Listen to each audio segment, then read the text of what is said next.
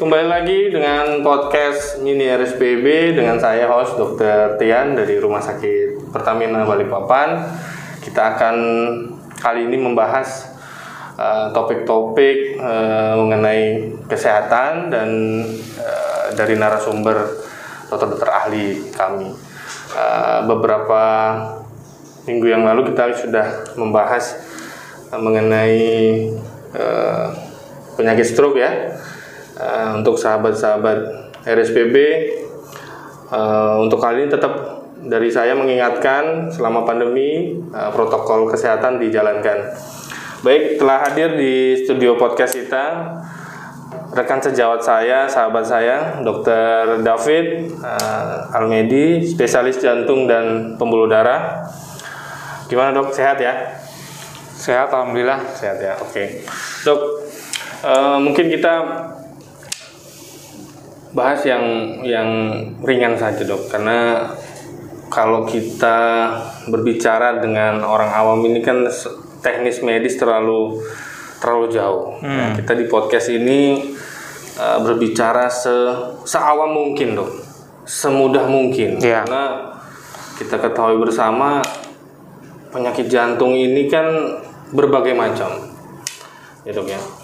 Uh, ada beberapa kasus ya dok. Kebetulan kayak kami ini dokter umum yang berdinas di poli atau di emergensi, sering kita temui kas- kasus-kasus uh, penyakit jantung, di mana kita sering uh, tanya ke pasien itu kan, uh, Pak ada riwayat penyakit apa? Rata-rata dijawab jantung, iya kan? Iya. Tapi dia sendiri kalau kita tanya lebih jauh, Bapak sakit jantungnya sakit jantung yang mana gitu. Iya. Nah, ini dokter David, kadang-kadang mereka sendiri kan ya kita agak lucu ya, bingung juga kita di di pelayanan gitu ya, apalagi untuk si merekanya sendiri nih.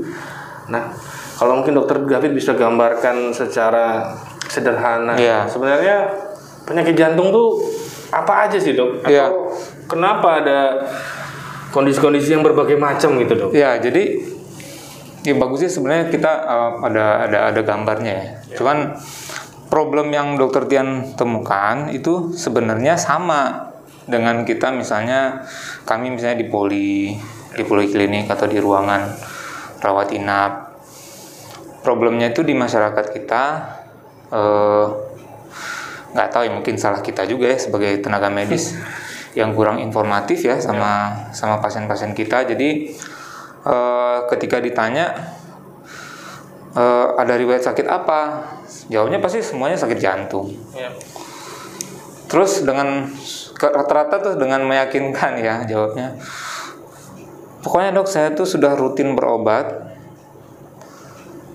dan kemudian sudah lama sudah bertahun-tahun saya makan obat. Apalagi untuk pasien-pasien yang kita baru ketemu sekali. Lalu kemudian eh, beliaunya sebelumnya sudah apa ketemu dengan dokter jantung yang misalnya dokter di poli jantung yang dokter yang lain barangkali. Sudah lama gitu berobatnya. Tapi waktu kita tanya oh kalau kalau begitu kalau memang sudah lama kan sudah tahu dong penyakitnya. Jadi apa penyakitnya pak bu? Gitu kan. Jawabnya ya sakit jantung dok. Gitu. Jadi loh sakit jantungnya yang mana jenisnya? Kan sebenarnya data-data yang kita miliki atau data-data yang sudah pernah di diperi- dilakukan atau di- didapatkan itu sebenarnya kan eh, data yang menjadi bekal buat dokter yang baru. Misalnya kan kita nggak selalu ketemu sama dokter yang sama. Betul, ataupun kalau misalnya kita ketemu sama dokter yang sama kan dokternya bukan cuman buat ngelayanin satu dua orang. Ya. Ya kan dokternya juga nggak menyimpan semuanya di memorinya dia kan nah akhirnya data-data yang dimiliki pasien yang pernah diberikan yang pernah didapatkan setelah menjalani beberapa pemeriksaan itu menjadi penting nah akhirnya ibarat orang mengaji setiap kena ketemu dokter baru dokter yang istilahnya dokter yang baru atau dokternya lupa Ya. Ini urusan kayak mengaji mulai dari alif lagi.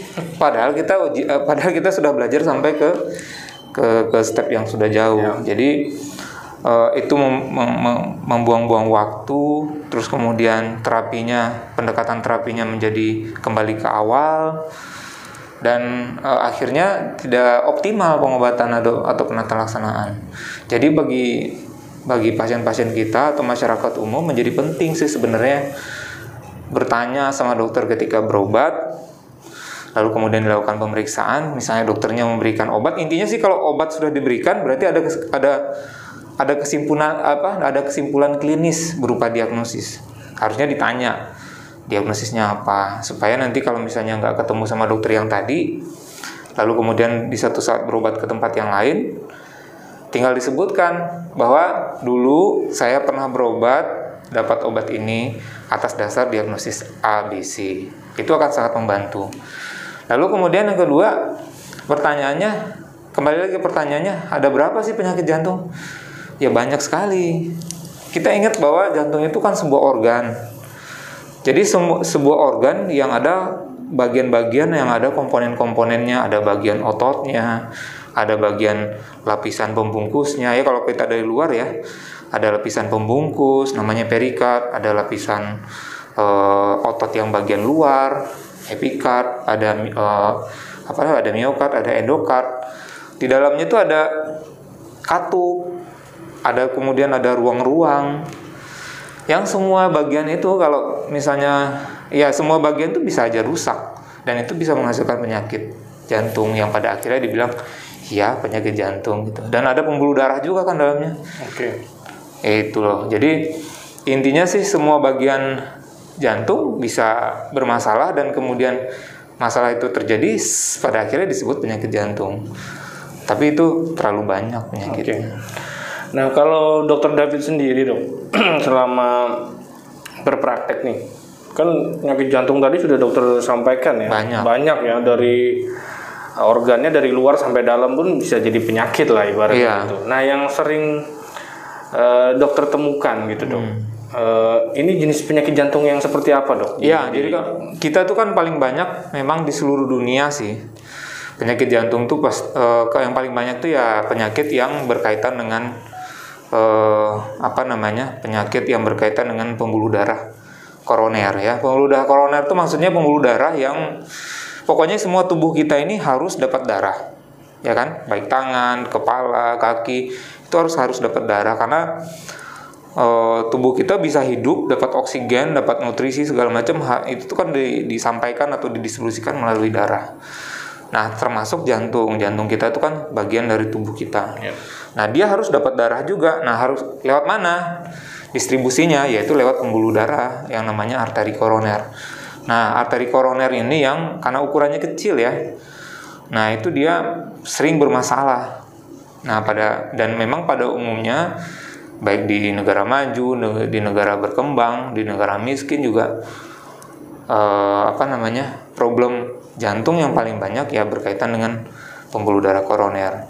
Yang kedua itu adalah eh, biasanya berhubungan dengan penyakit-penyakit gagal jantung. Nah, penyakit gagal, gagal jantung sendiri adalah suatu penyakit terminal dari seluruh penyakit dari hampir seluruh penyakit jantung. Jadi, apa pun penyebabnya ada masalah apa pun di jantung kalau misalnya dia dibiarkan, maka perjalanan penyakit penyakit jantung itu akan bermuara pada gagal jantung. Jadi kalau penyakit jantung koroner, muaranya gagal jantung. Penyakit katup jantung, muaranya gagal jantung. Kalau penyakit apa namanya penyakit gangguan irama jantung, akhirnya nanti akan berakhir dengan uh, gagal jantung juga. Jadi kayak penyakit terminal dari jantung gitu. Oke. Okay. Nah, uh, apabila seseorang terdiagnosa gitu dok ya uh, penyakit jantung lah, hmm. mau itu jantung koroner atau tadi yang sampai tahap terakhir sampai terjadinya gagal jantung gitu kan hmm. kan pasti ada pertanyaan ya dok ya dok uh, saya bisa sembuh nggak sih gitu hmm. nah itu kan pasti jadi nah. ujung-ujungnya kan dok orang yeah. sakit kan pengennya sembuh nih iya yeah, iya yeah, yeah. nah itu gimana dokter kalau ditanya nih ini sama penting banget pasien tuh kan ini ini justru penting ya yeah. bahkan saya di beberapa di beberapa apa ya uh, penyuluhan atau diskusi dengan Ya paling sering pasti diskusi dengan pasien-pasien ya. Intinya sih gini, yang dimaksud sembuh itu dari su- suatu penyakit kalau memang penyakitnya hilang betul-betul dari tubuh kita itu sembuhan. Contoh, kalau ada orang kena COVID aja, Ya. COVID, COVID itu kan penyebabnya virus. Terus. Lalu di awal itu virusnya masuk ke tubuh. Ya. Lalu kemudian virusnya berkembang, replikasi semuanya, terus kemudian tubuhnya merespon, Hmm. membentuk antibodi. Ya. Jadi dalam proses peperangan itu antara antigen ya, antara kuman dan antibodi tubuh manusia ini, lalu ter- terjadilah kondisi sakit. Pada akhirnya ya, pada akhirnya menanglah taruhlah, misalnya si itu si antibodi. Menang artinya si virusnya habis. Orangnya sembuh. Artinya dikatakan sembuh kalau seandainya penyakitnya benar-benar habis, Iya. benar-benar hilang, atau orang kena tipes, Ya. atau kena atau kena apa namanya eh, penyakit-penyakit yang intinya sih yang kebanyakan yang infeksi kan. Iya. Terus habis itu eh, kalau penyakit-penyakit metabolik itu berbeda ceritanya. Misalnya kayak penyakit-penyakit hipertensi, penyakit jantung, penyakit ginjal, apalagi penyakit liver, penyakit diabetes. Iya. Itu semua penyakit yang memang sudah terjadi perubahan pada suatu sistem di, di tubuh kita, yang mana perubahan sistem itu terjadi dalam proses yang kronis gitu. Jadi perubahan-perubahan sistem itu sudah ada adaptasi dari tubuh segala macam dan kalau ditanya kalau penyakit jantung bagaimana?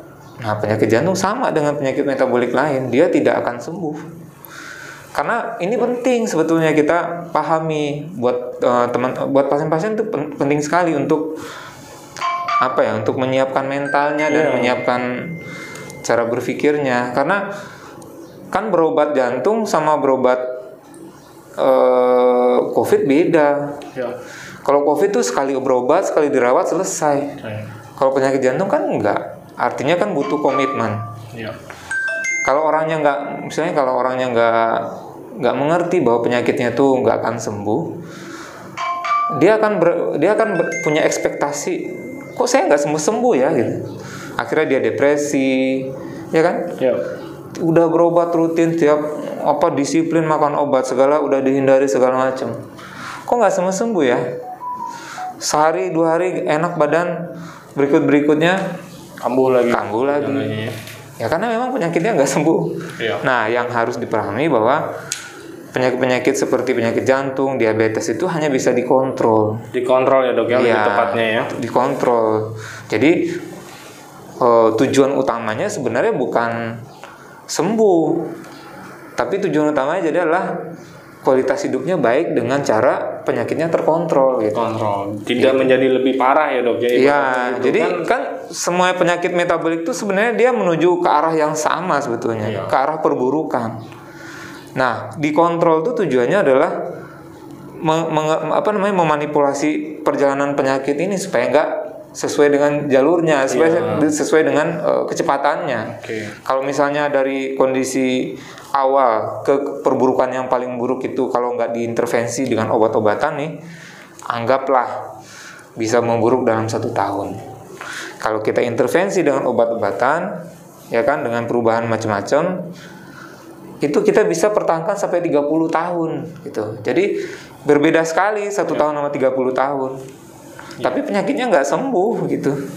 Ya karena Terkontrol. untuk intinya untuk biar kualitas hidupnya tetap baik ya dok ya, Iya, walaupun dengan penyakit jantung Iya, seperti itu ya. iya. Oke.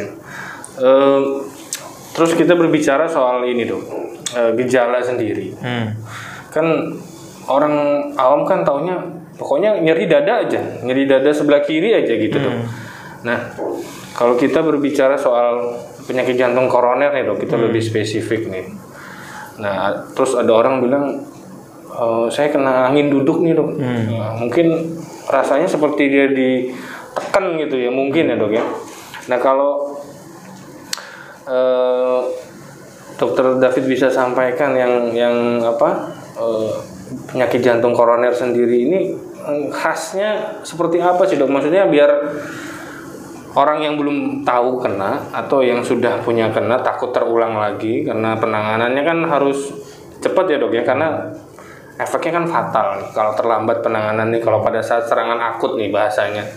Nah, kira-kira eh, apa dok gejala khasnya dari penyakit jantung koroner sendiri dokter? Iya, jadi eh, sebelum kita ke gejala khasnya, sebetulnya yang perlu dipahami yang pertama adalah bahwa eh, kita kan kalau bicara tentang penyakit jantung koroner kan kita beri- bi- artinya kita bicara pada konteks yang lebih sempit dari penyakit jantung secara keseluruhan. Jadi kita betul-betul fokus dengan penyakit jantung koroner. Iya.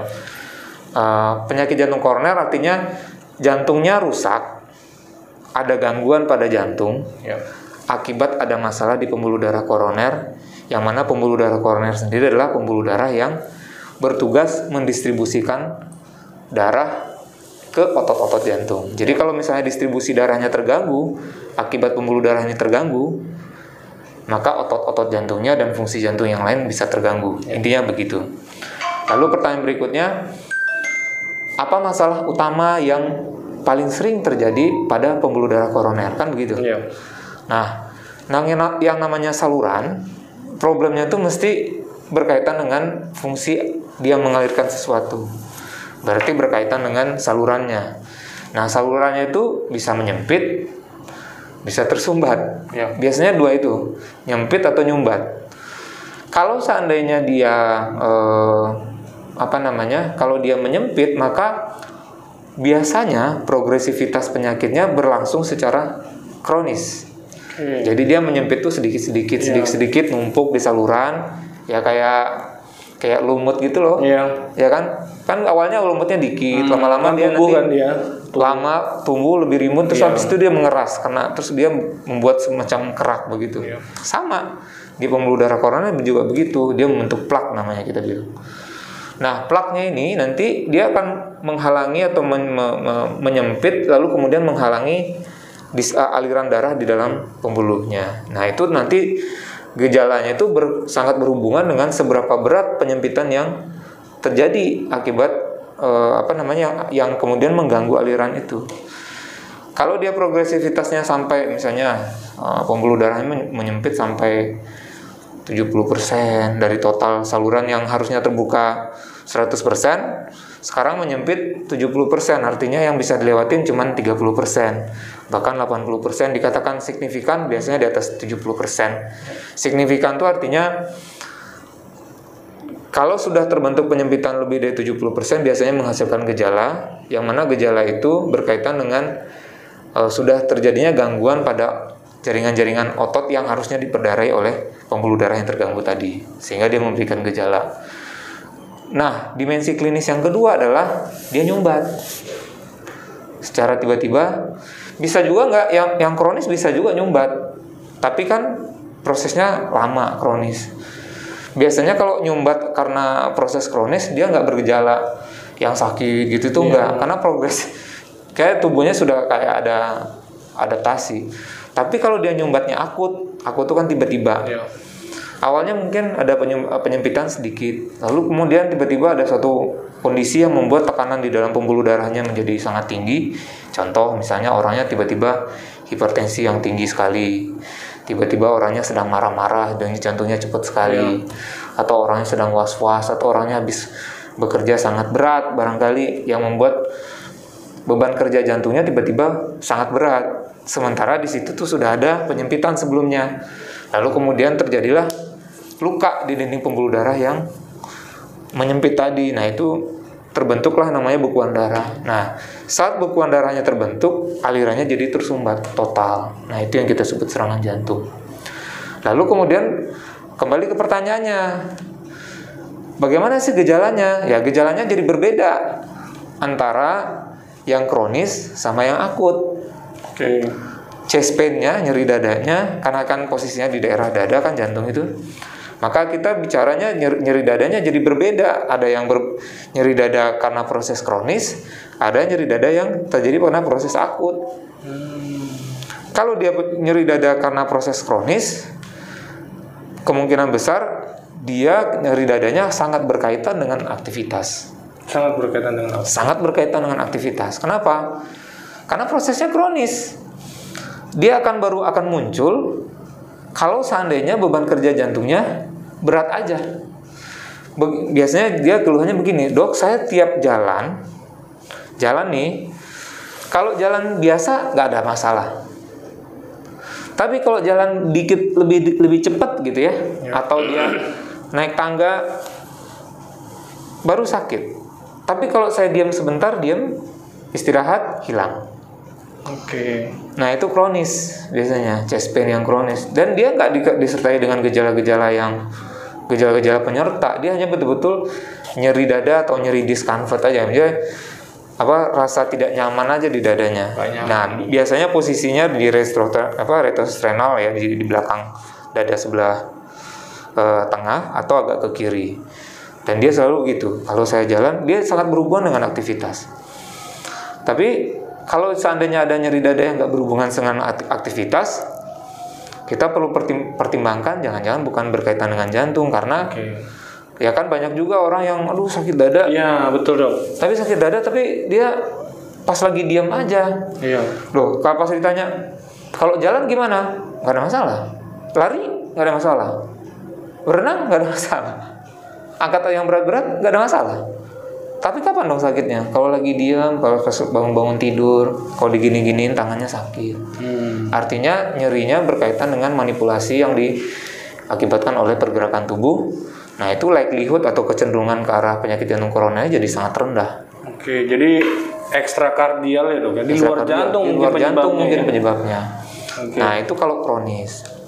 Biasanya durasi nyerinya juga yang kronis tuh dia sebentar pendek-pendek aja durasinya, paling 5 menit hilang Oke. gitu. Berbeda kalau seandainya nyeri dadanya karena proses akut. Nyeri dada karena akut. Kalau nyeri dada karena akut itu nyerinya sangat langsung berat. Langsung berat ya, Dok. Heeh. Misalnya orangnya baru marah sebentar, dia nggak ada masalah sebelumnya nyeri dada. Terus kemudian lagi habis marah-marah dia sakit dada. Sakit dada yang dia rasakan dia akan kebanyakan ya pasien-pasien yang serangan jantung tuh mendeskripsikan, aduh ini berat sekali, kayaknya saya kayak mau pingsan rasanya. Hmm. Lalu kemudian dia merasa ketakutan, dia merasa mual, dia merasa muntah, apa eh, rasa pengen muntah, pandangannya kadang-kadang gelap.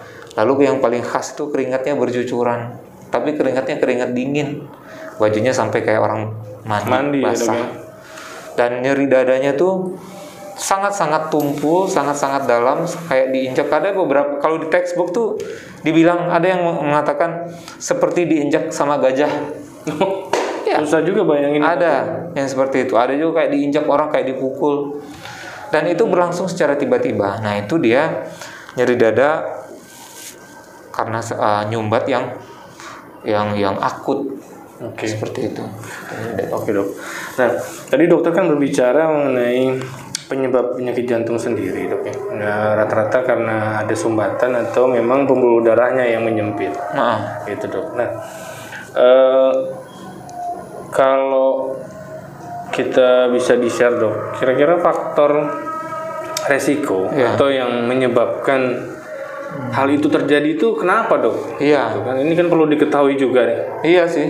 Jadi gini, kenapa sih kan sering ya ada orang kalau misalnya kita kasih rekomendasi ya sama orang. Si kadang-kadang ada yang ngeyel gitu ya. Itu ada om saya merokoknya. Wah betul dok, betul Iya kan? banget tuh. Itu sering kayak gitu kan. Hmm, ada juga yang bilang kan lu, ah lu gemuk lu nanti serangan jantung lo. Nah, Iya. padahal yang kurus aja banyak kejadian Iya. eh, serangan jantung kan dok gitu. Hmm. Jadi memang penyakit itu punya kecenderungan terjadi pada pada kondisi-kondisi tertentu gitu.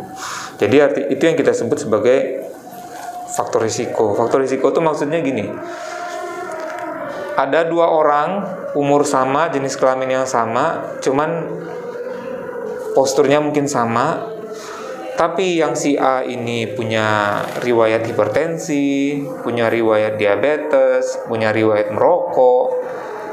Sedangkan yang si B tidak punya riwayat sama sekali. Yang seperti tadi. Posturnya sama, umurnya sama, kerjanya mungkin sama. Tapi yang si A memiliki chance, memiliki kesempatan yang lebih besar berkali-kali lipat untuk mengalami atau berkembangnya penyakit jantung dibandingkan si B. Biasanya penyakit jantungnya ya paling banyak ya kita lagi-lagi tentang penyakit jantung koroner pasti lagi-lagi.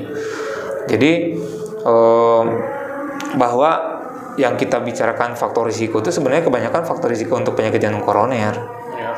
Bahwa yang menjadi faktor risiko yang tradisional itu ya yang udah yang sudah yang paling established ya.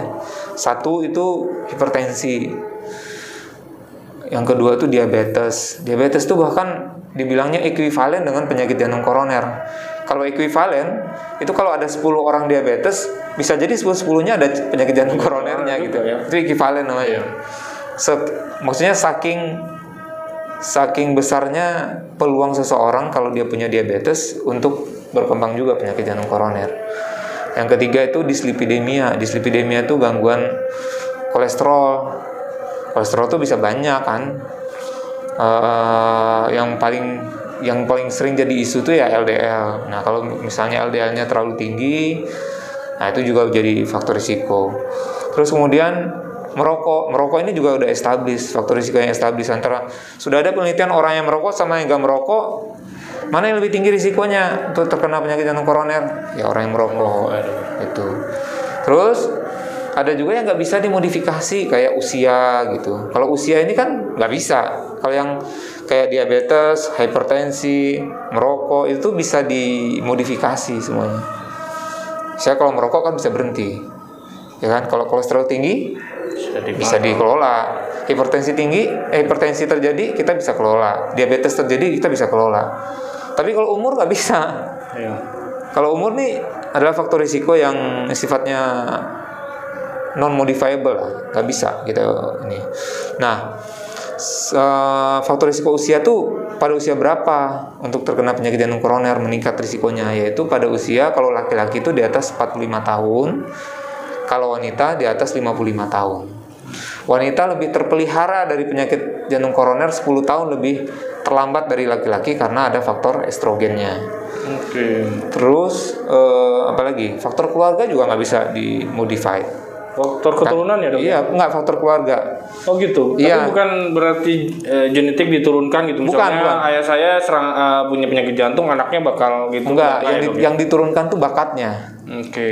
Tetapi eh, yang dihitung paling tinggi nilai risikonya apabila eh, yang terkena penyakit eh, sebelumnya itu adalah saudara kandung. Jadi yang satu level. Jadi kalau ayahnya atau ibunya punya penyakit jantung atau punya hipertensi, maka anaknya berisiko. Tapi risiko yang dialami anak si A atau si B itu tidak lebih tinggi dibandingkan apabila saudara kandungnya sendiri yang hipertensi.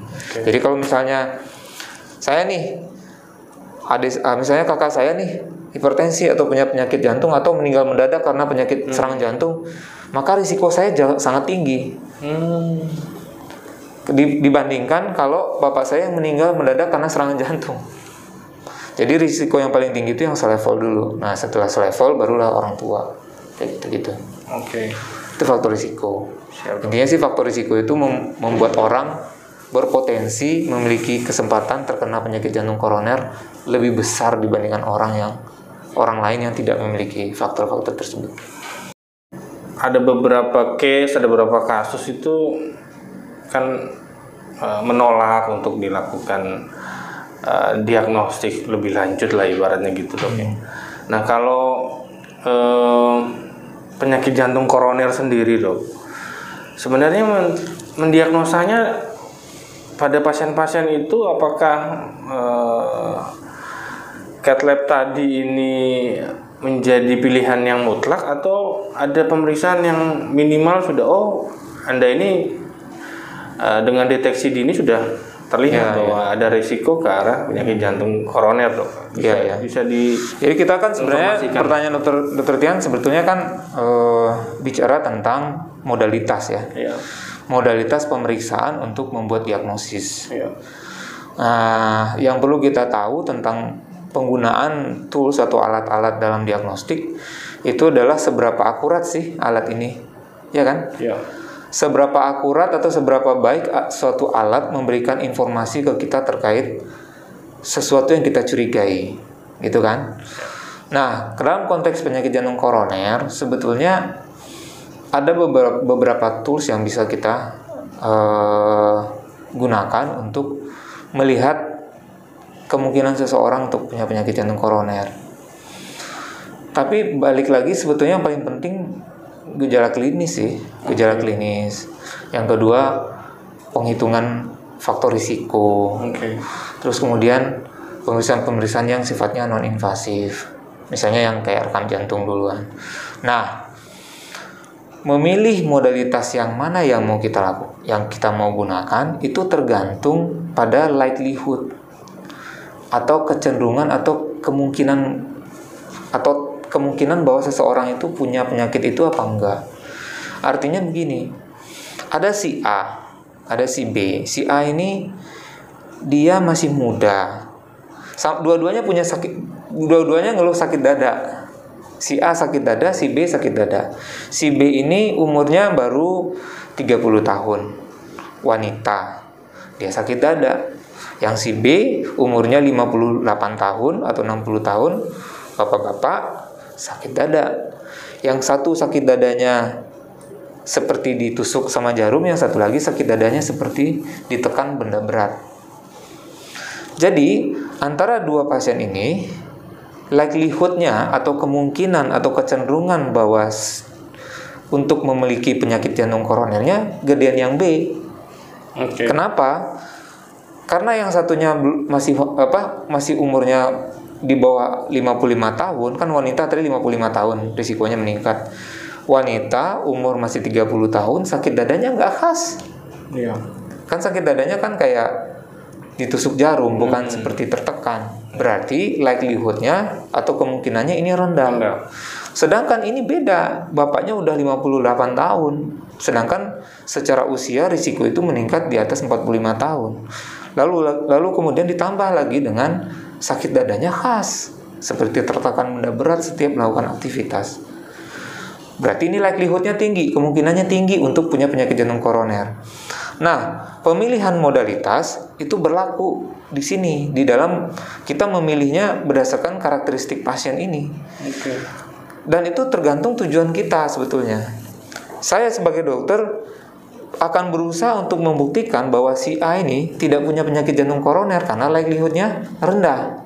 Sedangkan si B, saya ingin membuktikan bahwa dia memang punya penyakit jantung koroner.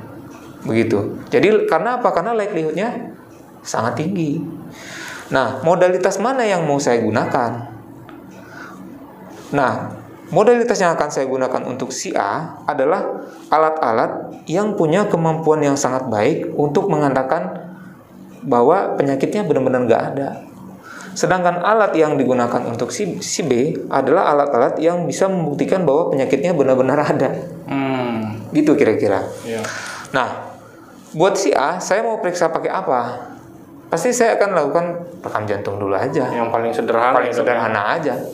Ya kan, okay. paling sederhana aja. Kalau rekam jantungnya normal, itu juga sudah cukup kadang-kadang untuk kita mengatakan bahwa ini normal-normal aja, nggak berkaitan. Meskipun memang rekam jantung kita tahu kapas apa akurasinya tidak terlalu tinggi untuk untuk oh, kasus-kasus penyakit jantung koroner. Memang tidak terlalu tinggi, cuman uh, di beberapa kasus kita merasa cukup untuk itu. Dengan itu, itu. Ya. Tapi kalau kita nggak yakin juga pasiennya masih sakit gimana? Kita bisa lakukan yang lain. Misalnya kita lakukan treatment stress test barangkali. Ya. Kalau nggak juga cukup gimana? Kita mungkin menggunakan CT scan barangkali. Yeah. Tapi beda diceritanya dengan yang si pasien yang B.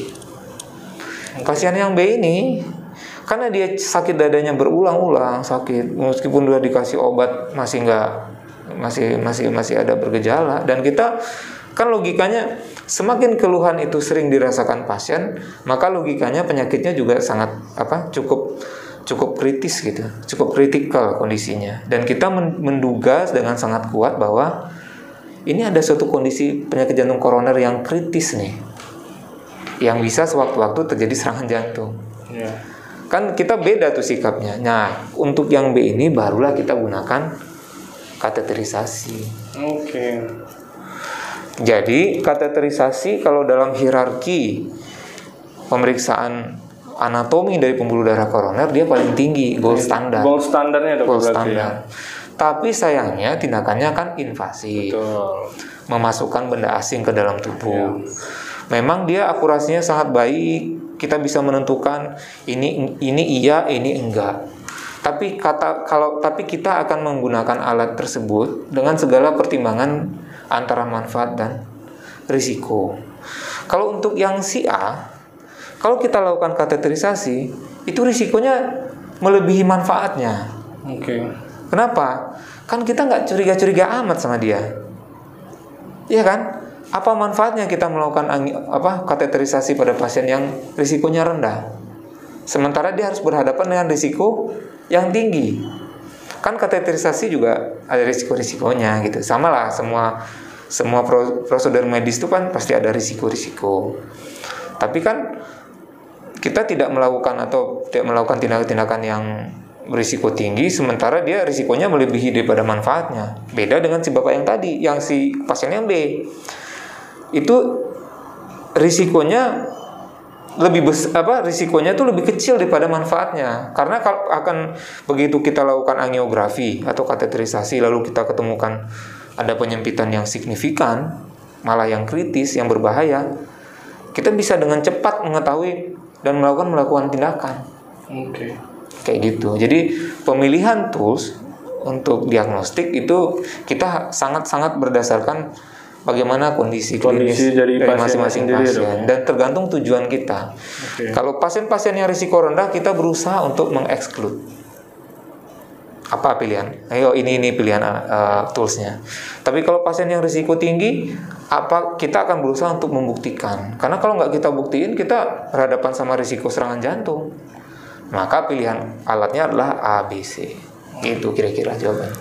Nah, jadi tapi gini dok, Em, kan kalau semisal nih ya kan informasi di internet ini kan banyak ya. Orang awam tuh tinggal baca lah ya, tinggal searching eh, penyakit jantung tuh apa ya, faktor resikonya kan kelihatan tuh semua. Nah pada saat ada orang nih dok, dia tahu nih faktor resikonya nih ada semua nih. Dia lihat mungkin dari usia, jenis kelamin, terus ada riwayat eh, keluarga, eh, punya riwayat hipertensi, kolesterol, merokok gitu dok. Tapi dia nggak punya ngerasa nggak punya gejala nih dok. Bisa nggak sih eh, eh, apa namanya? Misalnya dia secara pribadi ya datang nih ke Inisiatif dokter David. datang. Ah, dia dok saya bisa nggak sih dok saya di angiografi aja untuk deteksi dini gitu anggapannya. Ya, itu boleh nggak sih dok seperti itu? Iya itu sebenarnya itu sebenarnya sangat sangat sangat sangat sangat disarankan. Makanya saya di beberapa kesempatan, misalnya ada penyuluhan atau ada talk show atau ada diskusi interaktif itu selalu berbicara tentang dua hal. Satu rasa, yang kedua potensi diri. Kalau rasa yang kayak tadi itu saya jelasin tentang gimana sih keluhannya kalau orang berkait apa nyeri dada yang berkaitan dengan proses di pembuluh darah koroner yang terganggu atau penyakit jantung koroner gitu maksudnya. Apa sih rasanya? Gimana sih karakteristik rasanya? Yang kedua, saya selalu bicara tentang potensi diri. Potensi diri itu melihat diri kita sebetulnya. Kita ini punya faktor risiko apa? Kita ini sebetulnya dalam berisiko nggak sih gitu. Nah, bagi orang-orang atau teman eh, masyarakat sobat-sobat RSPB yang senang membaca atau punya curiosity ya, punya keingintahuan yang yang baik ya untuk me- melihat diri. Ini kan bisa melihat potensi ya kalau kemarin kalau nggak salah ada saudara yang meninggal tapi nggak tahu penyebabnya apa. Kan kita mikirnya jangan-jangan serangan jantung. Iya.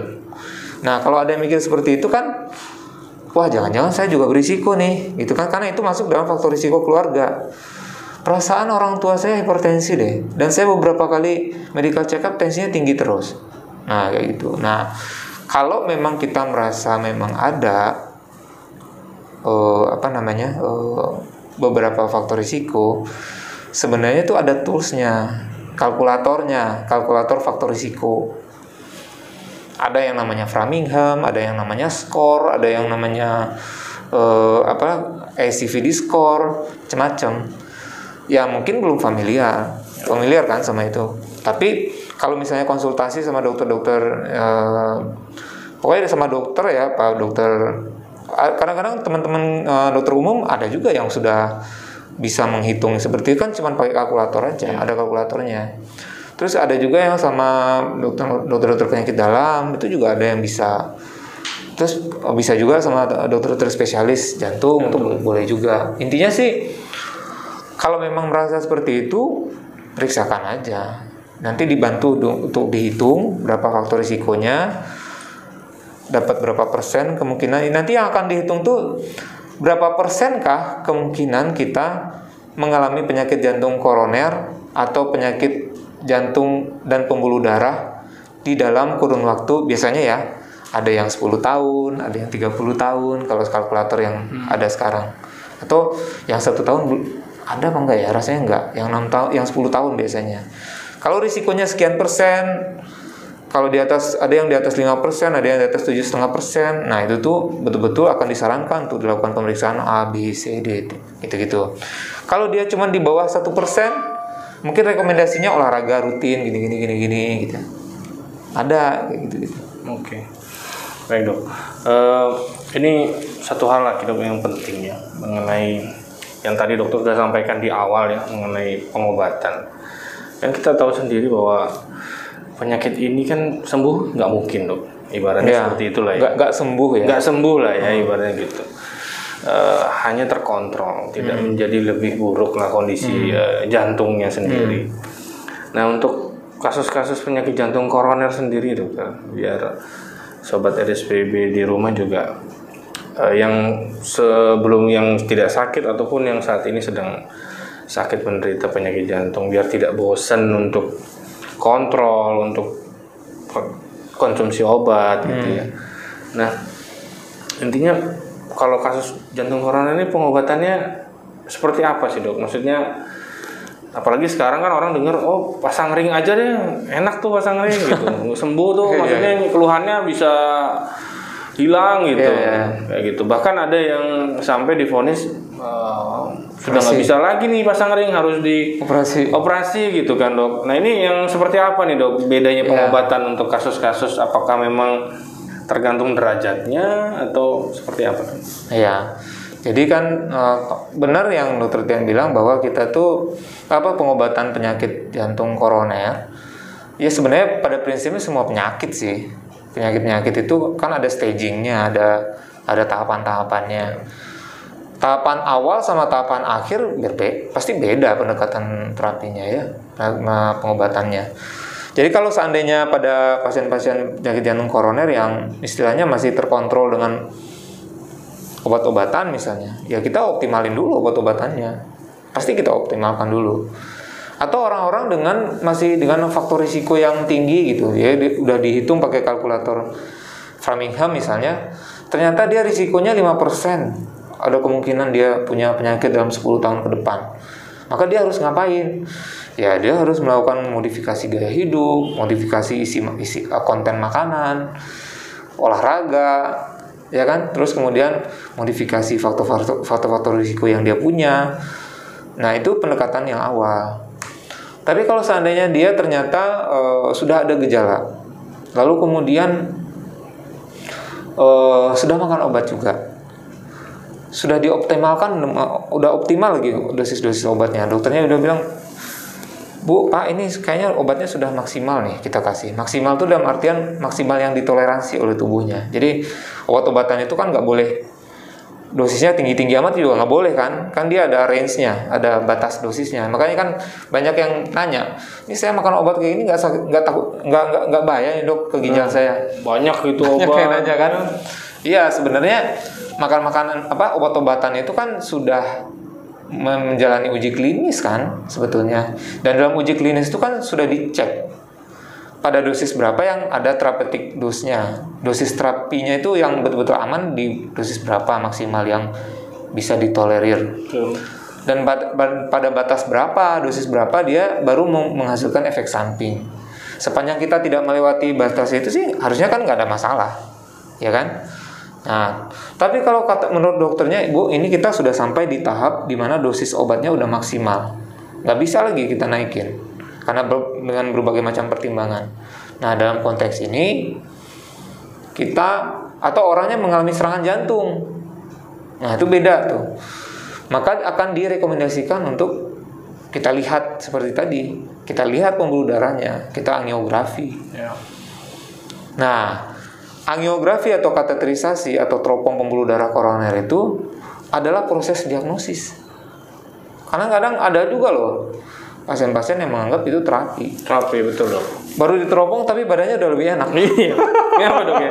Mungkin psikisnya apa Psikisnya ya? ya, karena merasa udah jangan plaknya hancur tuh dok. Enggak juga ya dok. Enggak, enggak, enggak. Dia kan kita kalau kalau angiografi atau teropong itu kan cuma lihat doang, kayak kayak pemetaan doang. Oke. Cuman buat lihat aja. Jadi kita ini pembuluh darahnya sebenarnya anatominya gimana sih? Betul ada penyempitan apa enggak sih? Kan yang dijawab sama eh, kateterisasi itu pertama pembuluh darahnya atau anatominya benar apa enggak? Yang kedua, ada masalah apa enggak? Masalah itu ada penyempitan atau ada penyumbatan apa enggak?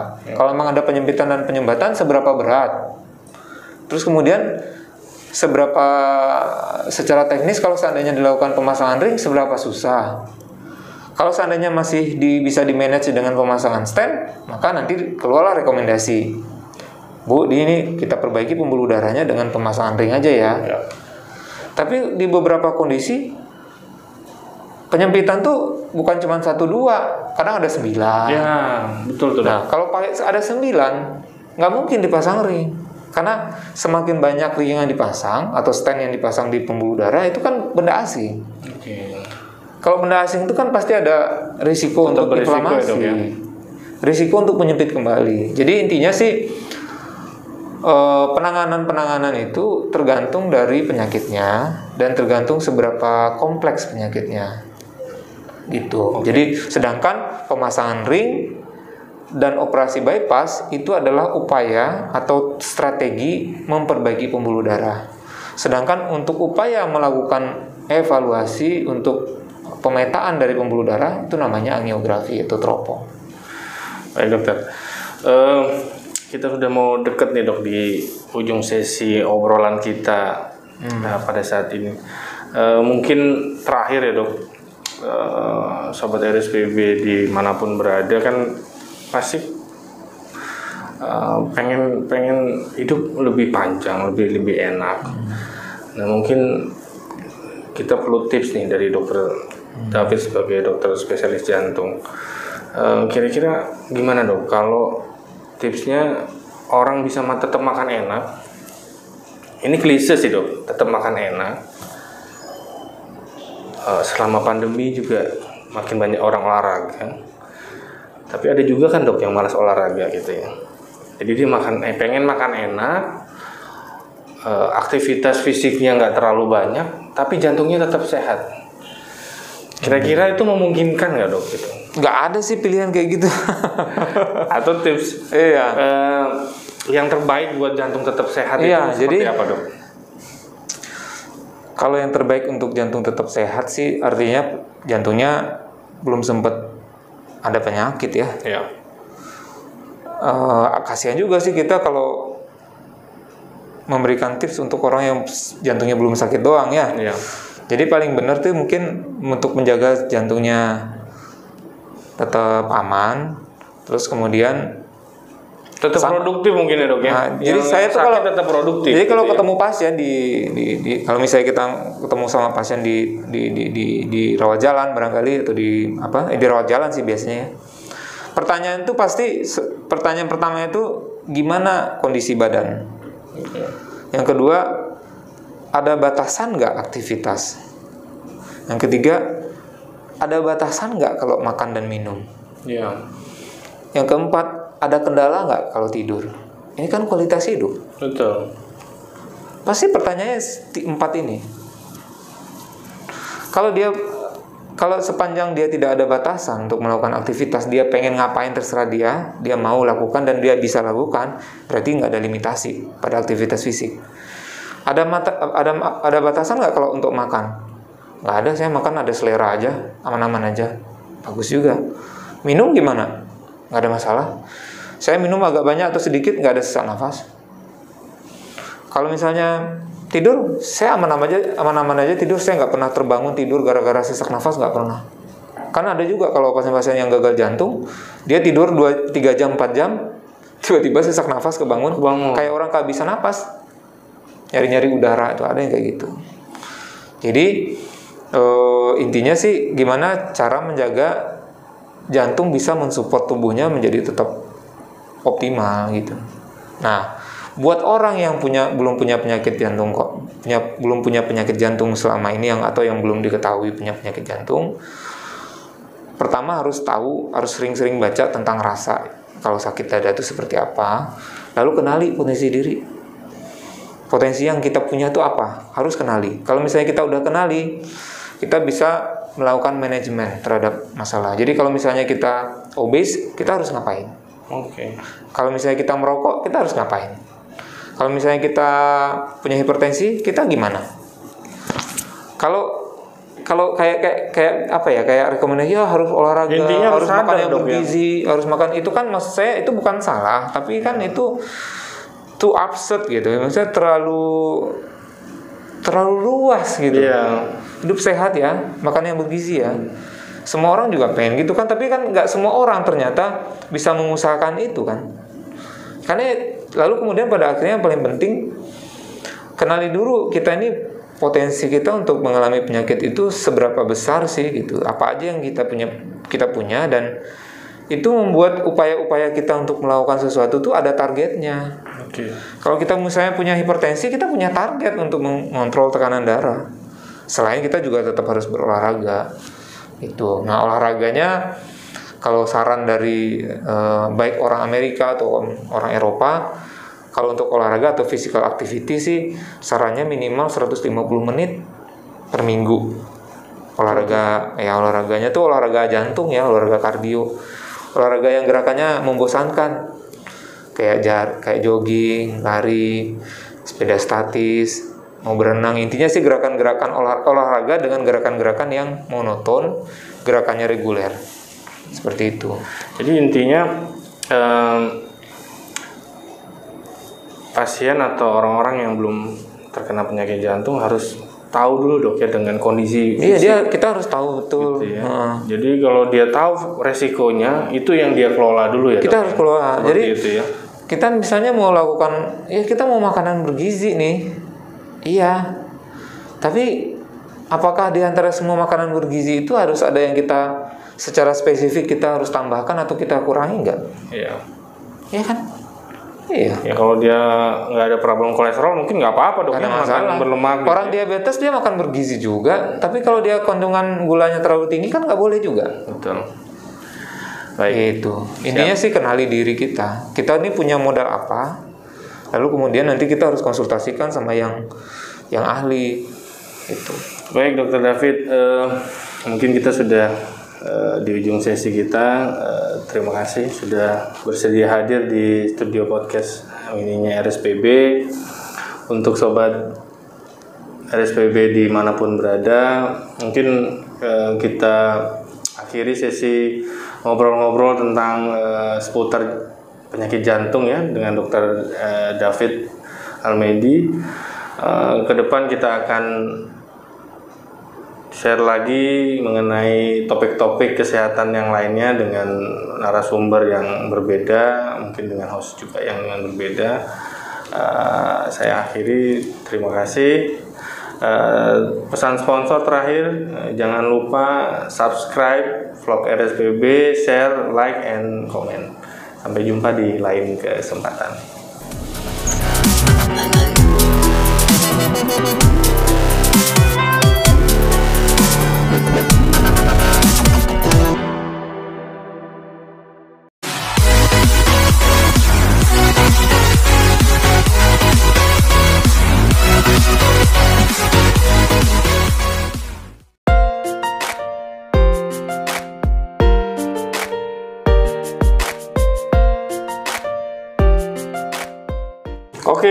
Kembali lagi dengan podcast Mini RSPB dengan saya host Dr. Tian dari Rumah Sakit Pertamina Balikpapan.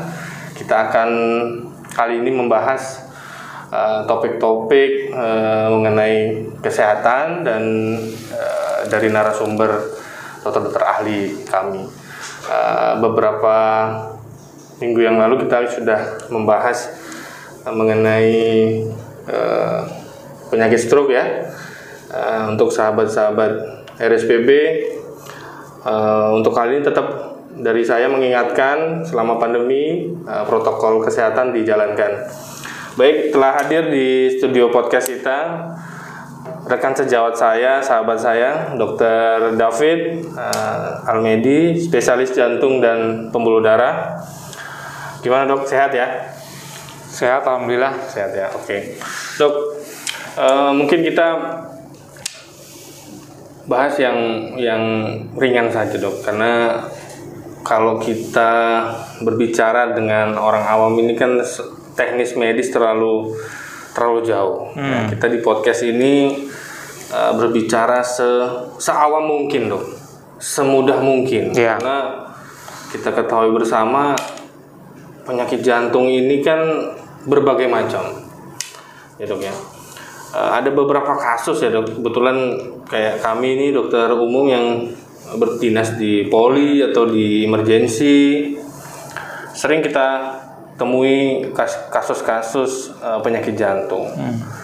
di mana kita sering uh, tanya ke pasien itu kan uh, pak ada riwayat penyakit apa hmm. rata-rata dijawab jantung iya kan iya tapi dia sendiri kalau kita tanya lebih jauh Bapak sakit jantungnya sakit jantung yang mana gitu. Iya. Nah, ini dokter David. Kadang-kadang mereka sendiri kan ya kita agak lucu ya, bingung juga kita di di pelayanan gitu ya. Apalagi untuk si merekanya sendiri nih. Nah, kalau mungkin dokter David bisa gambarkan secara sederhana. Iya. Sebenarnya penyakit jantung tuh apa aja sih dok? Atau Iya. kenapa ada kondisi-kondisi yang berbagai macam gitu dok? Ya, jadi ya bagusnya sebenarnya kita uh, ada ada ada gambarnya ya. Cuman problem yang dokter Tian temukan itu sebenarnya sama dengan kita misalnya kami misalnya di poli di poliklinik atau di ruangan rawat inap. Problemnya itu di masyarakat kita eh, nggak tahu ya mungkin salah kita juga ya sebagai tenaga medis yang kurang informatif ya sama sama pasien-pasien kita. Jadi eh, ketika ditanya eh, ada riwayat sakit apa, jawabnya pasti semuanya sakit jantung. Ya. Terus dengan rata-rata tuh dengan meyakinkan ya jawabnya. Pokoknya dok saya tuh sudah rutin berobat dan kemudian sudah lama, sudah bertahun-tahun saya makan obat. Apalagi untuk pasien-pasien yang kita baru ketemu sekali, lalu kemudian eh, beliaunya sebelumnya sudah apa ketemu dengan dokter jantung yang misalnya dokter di poli jantung yang dokter yang lain barangkali sudah lama gitu berobatnya. Tapi wak- waktu kita tanya, oh kalau kalau begitu kalau memang sudah lama kan sudah tahu dong penyakitnya. Jadi apa penyakitnya Pak Bu gitu kan? Jawabnya ya sakit jantung dok. Gitu. Jadi loh sakit jantungnya yang mana jenisnya? Kan sebenarnya data-data yang kita miliki atau data-data yang sudah pernah di diperi- dilakukan atau di- didapatkan itu sebenarnya kan eh, data yang menjadi bekal buat dokter yang baru. Misalnya kan kita nggak selalu ketemu sama dokter yang sama. Betul. Ataupun kalau misalnya kita ketemu sama dokter yang sama, kan dokternya bukan cuman buat ngelayanin satu dua orang. Ya. Ya kan, dokternya juga nggak menyimpan semuanya di memorinya dia kan. Nah, akhirnya data-data yang dimiliki pasien yang pernah diberikan, yang pernah didapatkan setelah menjalani beberapa pemeriksaan itu menjadi penting. Nah, akhirnya ibarat orang mengaji, setiap kena ketemu dokter baru, dokter yang istilahnya dokter yang baru atau dokternya lupa, Ya. Ini urusan kayak mengaji mulai dari alif lagi. Padahal kita uji- eh, padahal kita sudah belajar sampai ke ke ke step yang sudah jauh. Jadi eh, itu mem- mem- mem- membuang-buang waktu, terus kemudian terapinya, pendekatan terapinya menjadi kembali ke awal dan eh, akhirnya tidak optimal pengobatan atau atau penata laksanaan. Jadi bagi bagi pasien-pasien kita atau masyarakat umum menjadi penting sih sebenarnya bertanya sama dokter ketika berobat lalu kemudian dilakukan pemeriksaan, misalnya dokternya memberikan obat. Intinya sih kalau obat sudah diberikan berarti ada ada ada kesimpulan apa? Ada kesimpulan klinis berupa diagnosis.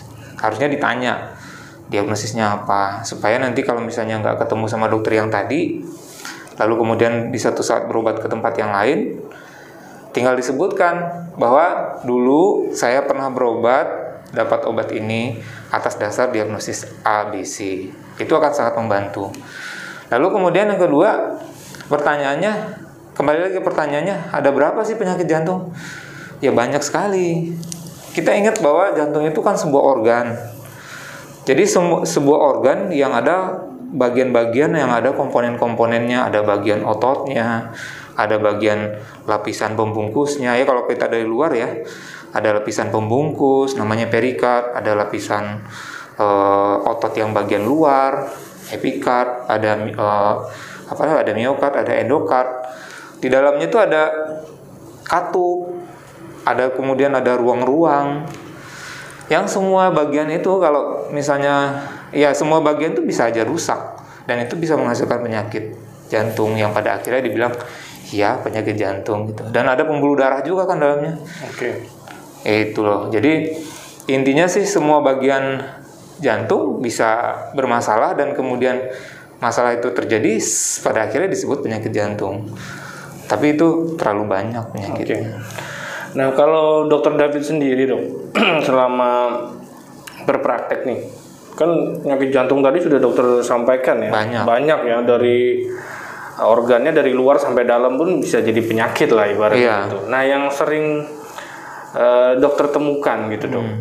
Uh, ini jenis penyakit jantung yang seperti apa dok? Iya, jadi kan kita tuh kan paling banyak memang di seluruh dunia sih penyakit jantung tuh pas uh, yang paling banyak tuh ya penyakit yang berkaitan dengan uh, apa namanya penyakit yang berkaitan dengan pembuluh darah koroner ya pembuluh darah koroner tuh maksudnya pembuluh darah yang pokoknya semua tubuh kita ini harus dapat darah ya kan baik tangan kepala kaki itu harus harus dapat darah. Karena e, tubuh kita bisa hidup dapat oksigen dapat nutrisi segala macam itu tuh kan di, disampaikan atau didistribusikan melalui darah. Nah termasuk jantung. Jantung kita itu kan bagian dari tubuh kita. Yeah. nah dia harus dapat darah juga. Nah harus lewat mana? Distribusinya yaitu lewat pembuluh darah yang namanya arteri koroner. Nah arteri koroner ini yang karena ukurannya kecil ya nah itu dia sering bermasalah Nah, pada dan memang pada umumnya baik di negara maju, di negara berkembang, di negara miskin juga eh, apa namanya? problem jantung yang paling banyak ya berkaitan dengan pembuluh darah koroner. Yang kedua itu adalah eh, biasanya berhubungan dengan penyakit-penyakit gagal jantung. Nah, penyakit gagal, gagal jantung sendiri adalah suatu penyakit terminal dari seluruh penyakit dari hampir seluruh penyakit jantung. Jadi apa pun penyebabnya, ada masalah apa pun di jantung, kalau misalnya dia dibiarkan, maka perjalanan penyakit penyakit jantung itu akan bermuara pada gagal jantung. Jadi kalau penyakit jantung koroner, muaranya gagal jantung. Penyakit katup jantung, muaranya gagal jantung. Kalau penyakit apa namanya penyakit gangguan irama jantung, akhirnya nanti akan berakhir dengan uh, gagal jantung juga. Jadi kayak penyakit terminal dari jantung gitu. Oke. Okay. Nah, uh, apabila seseorang terdiagnosa gitu dok ya uh, penyakit jantung lah, hmm. mau itu ke jantung koroner atau tadi yang sampai tahap terakhir sampai terjadinya gagal jantung gitu kan, hmm. kan pasti ada pertanyaan ya dok ya, dok Uh, saya bisa sembuh nggak sih gitu. Hmm. Nah itu kan pasti jadi nah. ujung-ujungnya kan dok orang yeah. sakit kan pengennya sembuh nih. Iya yeah, iya. Yeah, Nah itu gimana dokter kalau ditanya nih ini sama penting banget pasien tuh kan? Ini ini justru penting ya. Yeah. Bahkan saya di beberapa di beberapa apa ya uh, penyuluhan atau diskusi dengan ya paling sering pasti diskusi dengan pasien-pasien ya. Intinya sih gini yang dimaksud sembuh itu dari suatu penyakit kalau memang penyakitnya hilang betul-betul dari tubuh kita itu sembuhan. Contoh, kalau ada orang kena COVID aja. Ya. COVID, COVID itu kan penyebabnya virus. virus. Lalu di awal itu virusnya masuk ke tubuh. Ya. Lalu kemudian virusnya berkembang, replikasi semuanya, terus kemudian tubuhnya merespon, membentuk antibodi. Iya. Jadi dalam proses peperangan itu antara antigen ya, antara kuman dan antibodi tubuh manusia ini, lalu ter- terjadilah kondisi sakit. Pada akhirnya ya, pada akhirnya menanglah taruhlah, misalnya si itu si antibodi.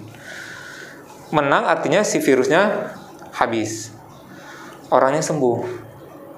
Artinya dikatakan sembuh kalau seandainya penyakitnya benar-benar habis, Iya. benar-benar hilang, atau orang kena tipes, Iya. atau kena atau kena apa namanya eh, penyakit-penyakit yang intinya sih yang kebanyakan yang infeksi kan. Iya. Terus habis itu eh, kalau penyakit-penyakit metabolik itu berbeda ceritanya. Misalnya kayak penyakit-penyakit hipertensi, penyakit jantung, penyakit ginjal, apalagi penyakit liver, penyakit diabetes. Iya. Itu semua penyakit yang memang sudah terjadi perubahan pada suatu sistem di, di tubuh kita, yang mana perubahan sistem itu terjadi dalam proses yang kronis gitu. Jadi perubahan-perubahan sistem itu sudah ada adaptasi dari tubuh segala macam dan kalau ditanya kalau penyakit jantung bagaimana? Nah, penyakit jantung sama dengan penyakit metabolik lain, dia tidak akan sembuh. Karena ini penting sebetulnya kita pahami buat eh, teman buat pasien-pasien itu pen- penting sekali untuk apa ya? Untuk menyiapkan mentalnya dan Iya. menyiapkan cara berpikirnya karena kan berobat jantung sama berobat eh, COVID beda. Iya.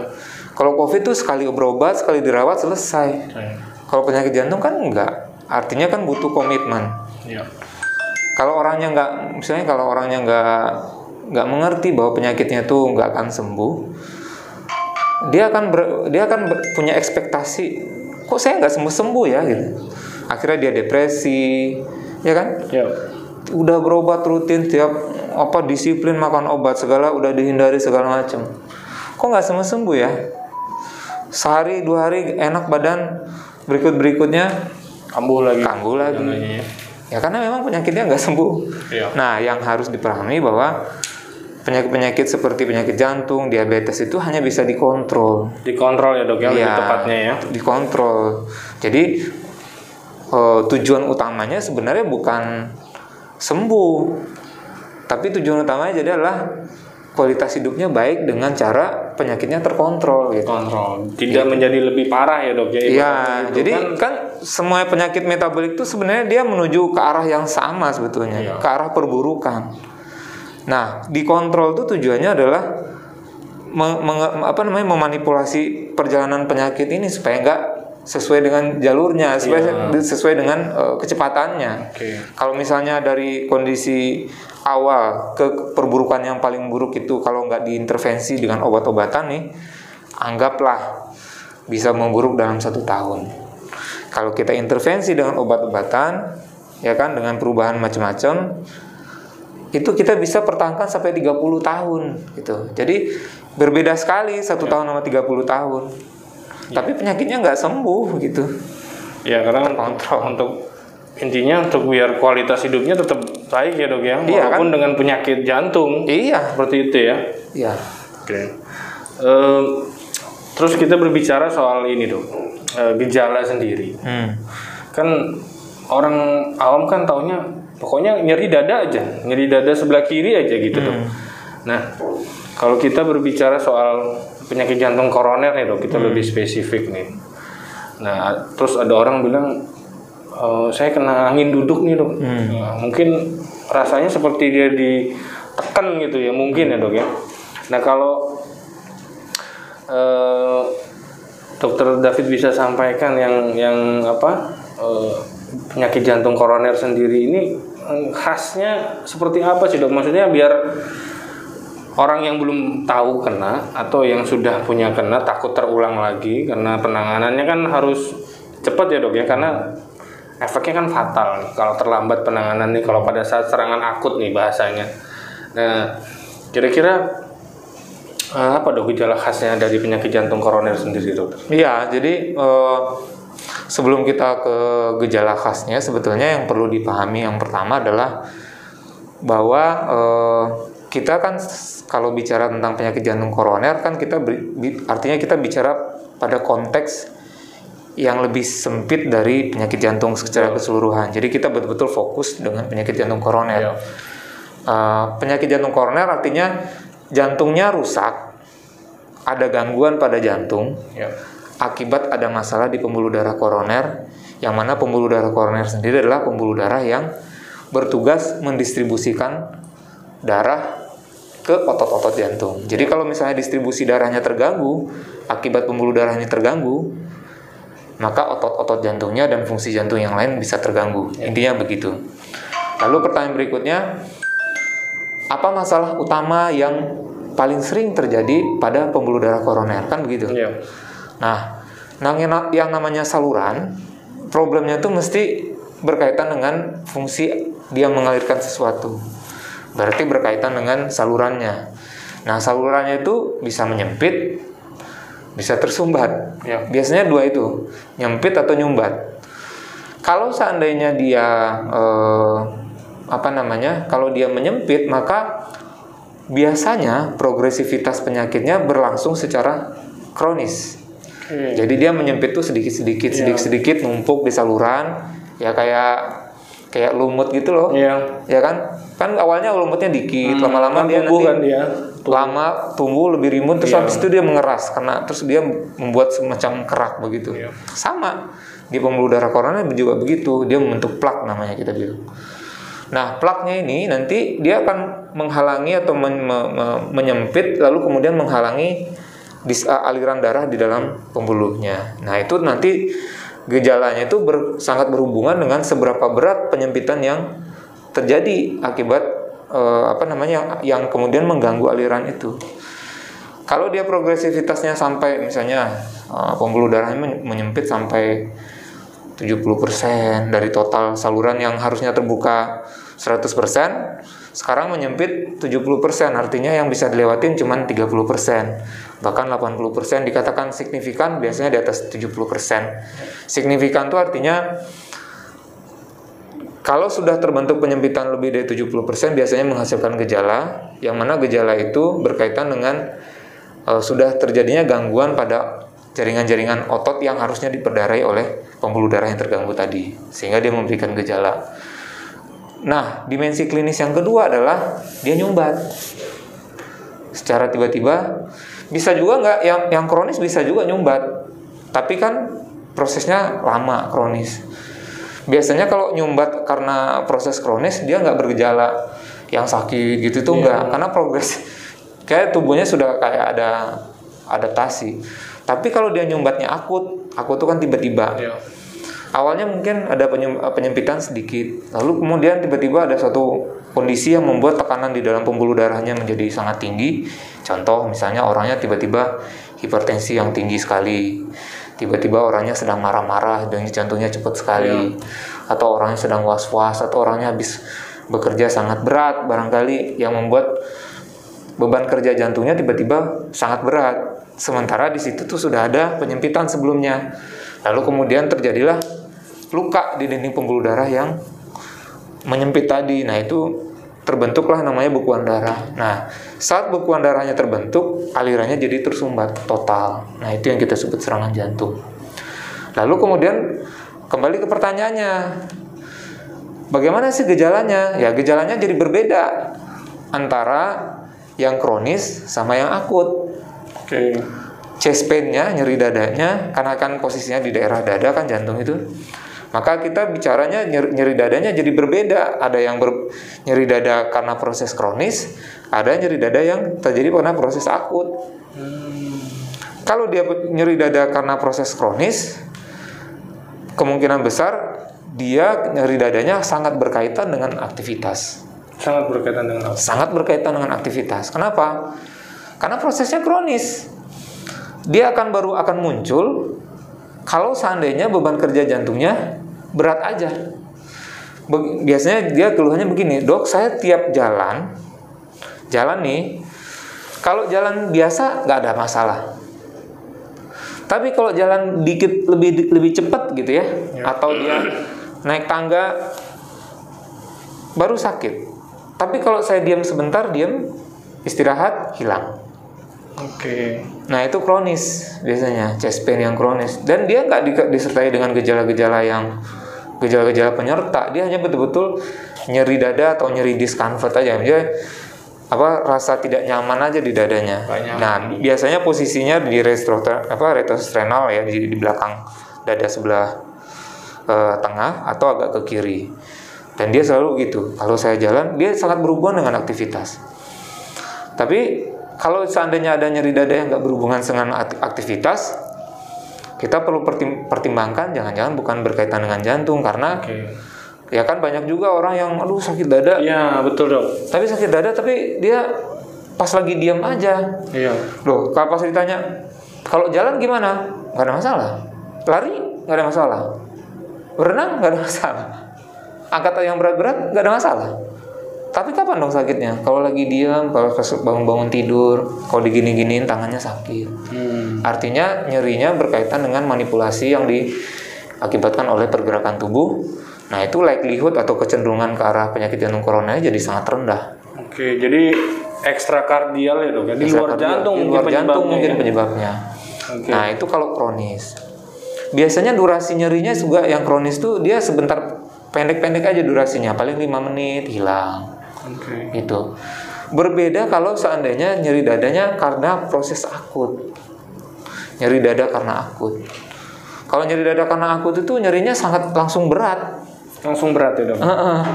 Misalnya orangnya baru marah sebentar, dia nggak ada masalah sebelumnya nyeri dada. Terus kemudian lagi habis marah-marah dia sakit dada. Sakit dada yang dia rasakan dia akan kebanyakan ya pasien-pasien yang serangan jantung tuh mendeskripsikan, aduh ini berat sekali, kayaknya saya kayak mau pingsan rasanya. Hmm.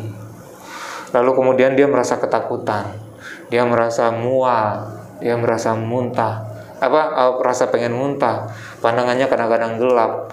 Lalu yang paling khas itu keringatnya bercucuran, tapi keringatnya keringat dingin, bajunya sampai kayak orang mandi, Mandi ya, basah. ya?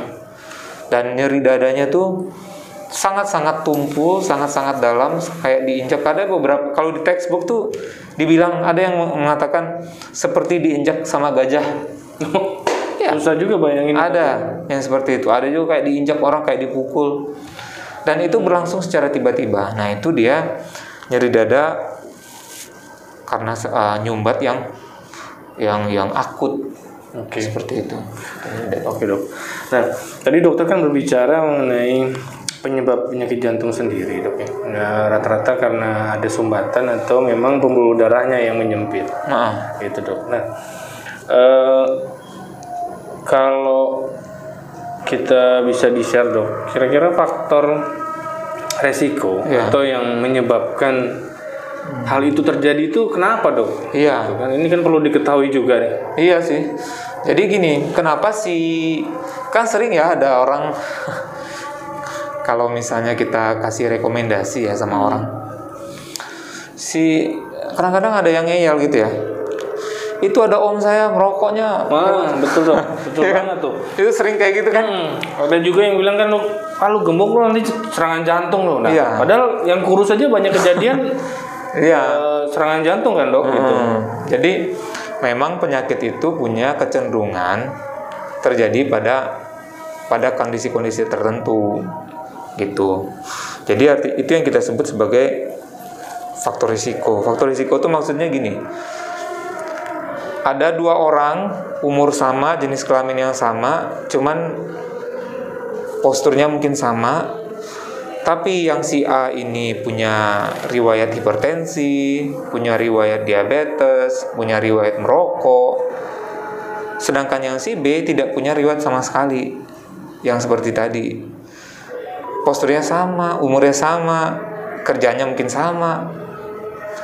Tapi yang si A memiliki chance, memiliki kesempatan yang lebih besar berkali-kali lipat untuk mengalami atau berkembangnya penyakit jantung dibandingkan si B. Biasanya penyakit jantungnya ya paling banyak ya kita lagi-lagi tentang penyakit jantung koroner pasti lagi-lagi. Jadi em, bahwa yang kita bicarakan faktor risiko itu sebenarnya kebanyakan faktor risiko untuk penyakit jantung koroner. Ya. bahwa yang menjadi faktor risiko yang tradisional itu ya yang udah yang sudah yang paling established ya. Satu itu hipertensi. Yang kedua itu diabetes. Diabetes itu bahkan dibilangnya ekuivalen dengan penyakit jantung koroner kalau ekuivalen itu kalau ada 10 orang diabetes bisa jadi 10 10-nya ada penyakit jantung koronernya gitu ya. itu ekuivalen namanya Se- maksudnya saking saking besarnya peluang seseorang kalau dia punya diabetes untuk berkembang juga penyakit jantung koroner. Yang ketiga itu dislipidemia. Dislipidemia itu gangguan kolesterol. Kolesterol itu bisa banyak kan. Eh, yang paling yang paling sering jadi isu itu ya LDL. Nah kalau misalnya LDL-nya terlalu tinggi, nah itu juga jadi faktor risiko. Terus kemudian merokok, merokok ini juga udah established faktor risiko yang established antara sudah ada penelitian orang yang merokok sama yang gak merokok mana yang lebih tinggi risikonya? Untuk terkena penyakit jantung koroner. Ya orang yang merokok. Itu. Terus ada juga yang nggak bisa dimodifikasi kayak usia gitu. Kalau usia ini kan nggak bisa. Kalau yang kayak diabetes hipertensi merokok itu bisa dimodifikasi semuanya. Saya kalau merokok kan bisa berhenti ya kan? Kalau kolesterol tinggi bisa dikelola. Hipertensi tinggi eh, hipertensi terjadi kita bisa kelola. Diabetes terjadi kita bisa kelola. Tapi kalau umur nggak bisa. Iya. kalau umur nih adalah faktor risiko yang sifatnya non modifiable lah nggak bisa gitu ini. Nah eh, faktor risiko usia tuh pada usia berapa untuk terkena penyakit jantung koroner meningkat risikonya yaitu pada usia kalau laki-laki itu di atas 45 tahun kalau wanita di atas 55 tahun wanita lebih terpelihara dari penyakit jantung koroner 10 tahun lebih terlambat dari laki-laki karena ada faktor estrogennya Oke. Terus eh, apa lagi? Faktor keluarga juga nggak bisa dimodify. Faktor keturunan ya dok? Iya, nggak faktor keluarga. Oh gitu. Iya. Tapi bukan berarti eh, genetik diturunkan gitu. Bukan, Misalnya bukan. ayah saya serang eh, punya penyakit jantung, anaknya bakal gitu. Enggak, ya, yang, di- dok, ya? yang diturunkan tuh bakatnya. Oke. Tetapi eh, yang dihitung paling tinggi nilai risikonya apabila eh, yang terkena penyakit eh, sebelumnya itu adalah saudara kandung. Jadi yang satu level. Jadi kalau ayahnya atau ibunya punya penyakit jantung atau punya hipertensi, maka anaknya berisiko. Tapi risiko yang dialami anak si A atau si B itu tidak lebih tinggi dibandingkan apabila saudara kandungnya sendiri yang hipertensi. Jadi kalau misalnya saya nih adik ah, misalnya kakak saya nih hipertensi atau punya penyakit jantung atau meninggal mendadak karena penyakit serangan jantung, maka risiko saya sangat tinggi Hmm. Di- dibandingkan kalau bapak saya yang meninggal mendadak karena serangan jantung. Jadi risiko yang paling tinggi itu yang selevel dulu. Nah setelah selevel barulah orang tua kayak gitu gitu. Oke. Itu faktor risiko. Siap. Intinya sih faktor risiko itu mem- membuat orang berpotensi memiliki kesempatan terkena penyakit jantung koroner lebih besar dibandingkan orang yang orang lain yang tidak memiliki faktor-faktor tersebut. Ada beberapa case, ada beberapa kasus itu kan eh, menolak untuk dilakukan eh, diagnostik lebih lanjut lah ibaratnya gitu dok ya.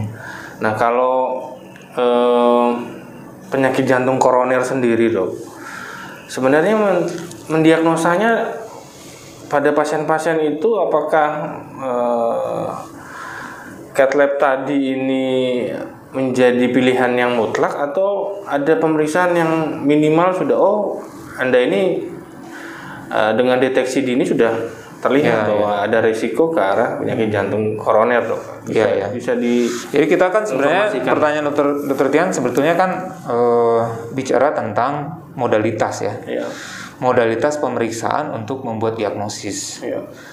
Nah, yang perlu kita tahu tentang penggunaan tools atau alat-alat dalam diagnostik itu adalah seberapa akurat sih alat ini, ya kan? ya. Seberapa akurat atau seberapa baik suatu alat memberikan informasi ke kita terkait sesuatu yang kita curigai, gitu kan? Nah, dalam konteks penyakit jantung koroner sebetulnya ada beberapa, beberapa tools yang bisa kita eh, gunakan untuk melihat kemungkinan seseorang untuk punya penyakit jantung koroner. Tapi balik lagi sebetulnya yang paling penting gejala klinis sih, gejala klinis. Yang kedua penghitungan faktor risiko. Oke. Terus kemudian pemeriksaan-pemeriksaan yang sifatnya non invasif. Misalnya yang kayak rekam jantung duluan.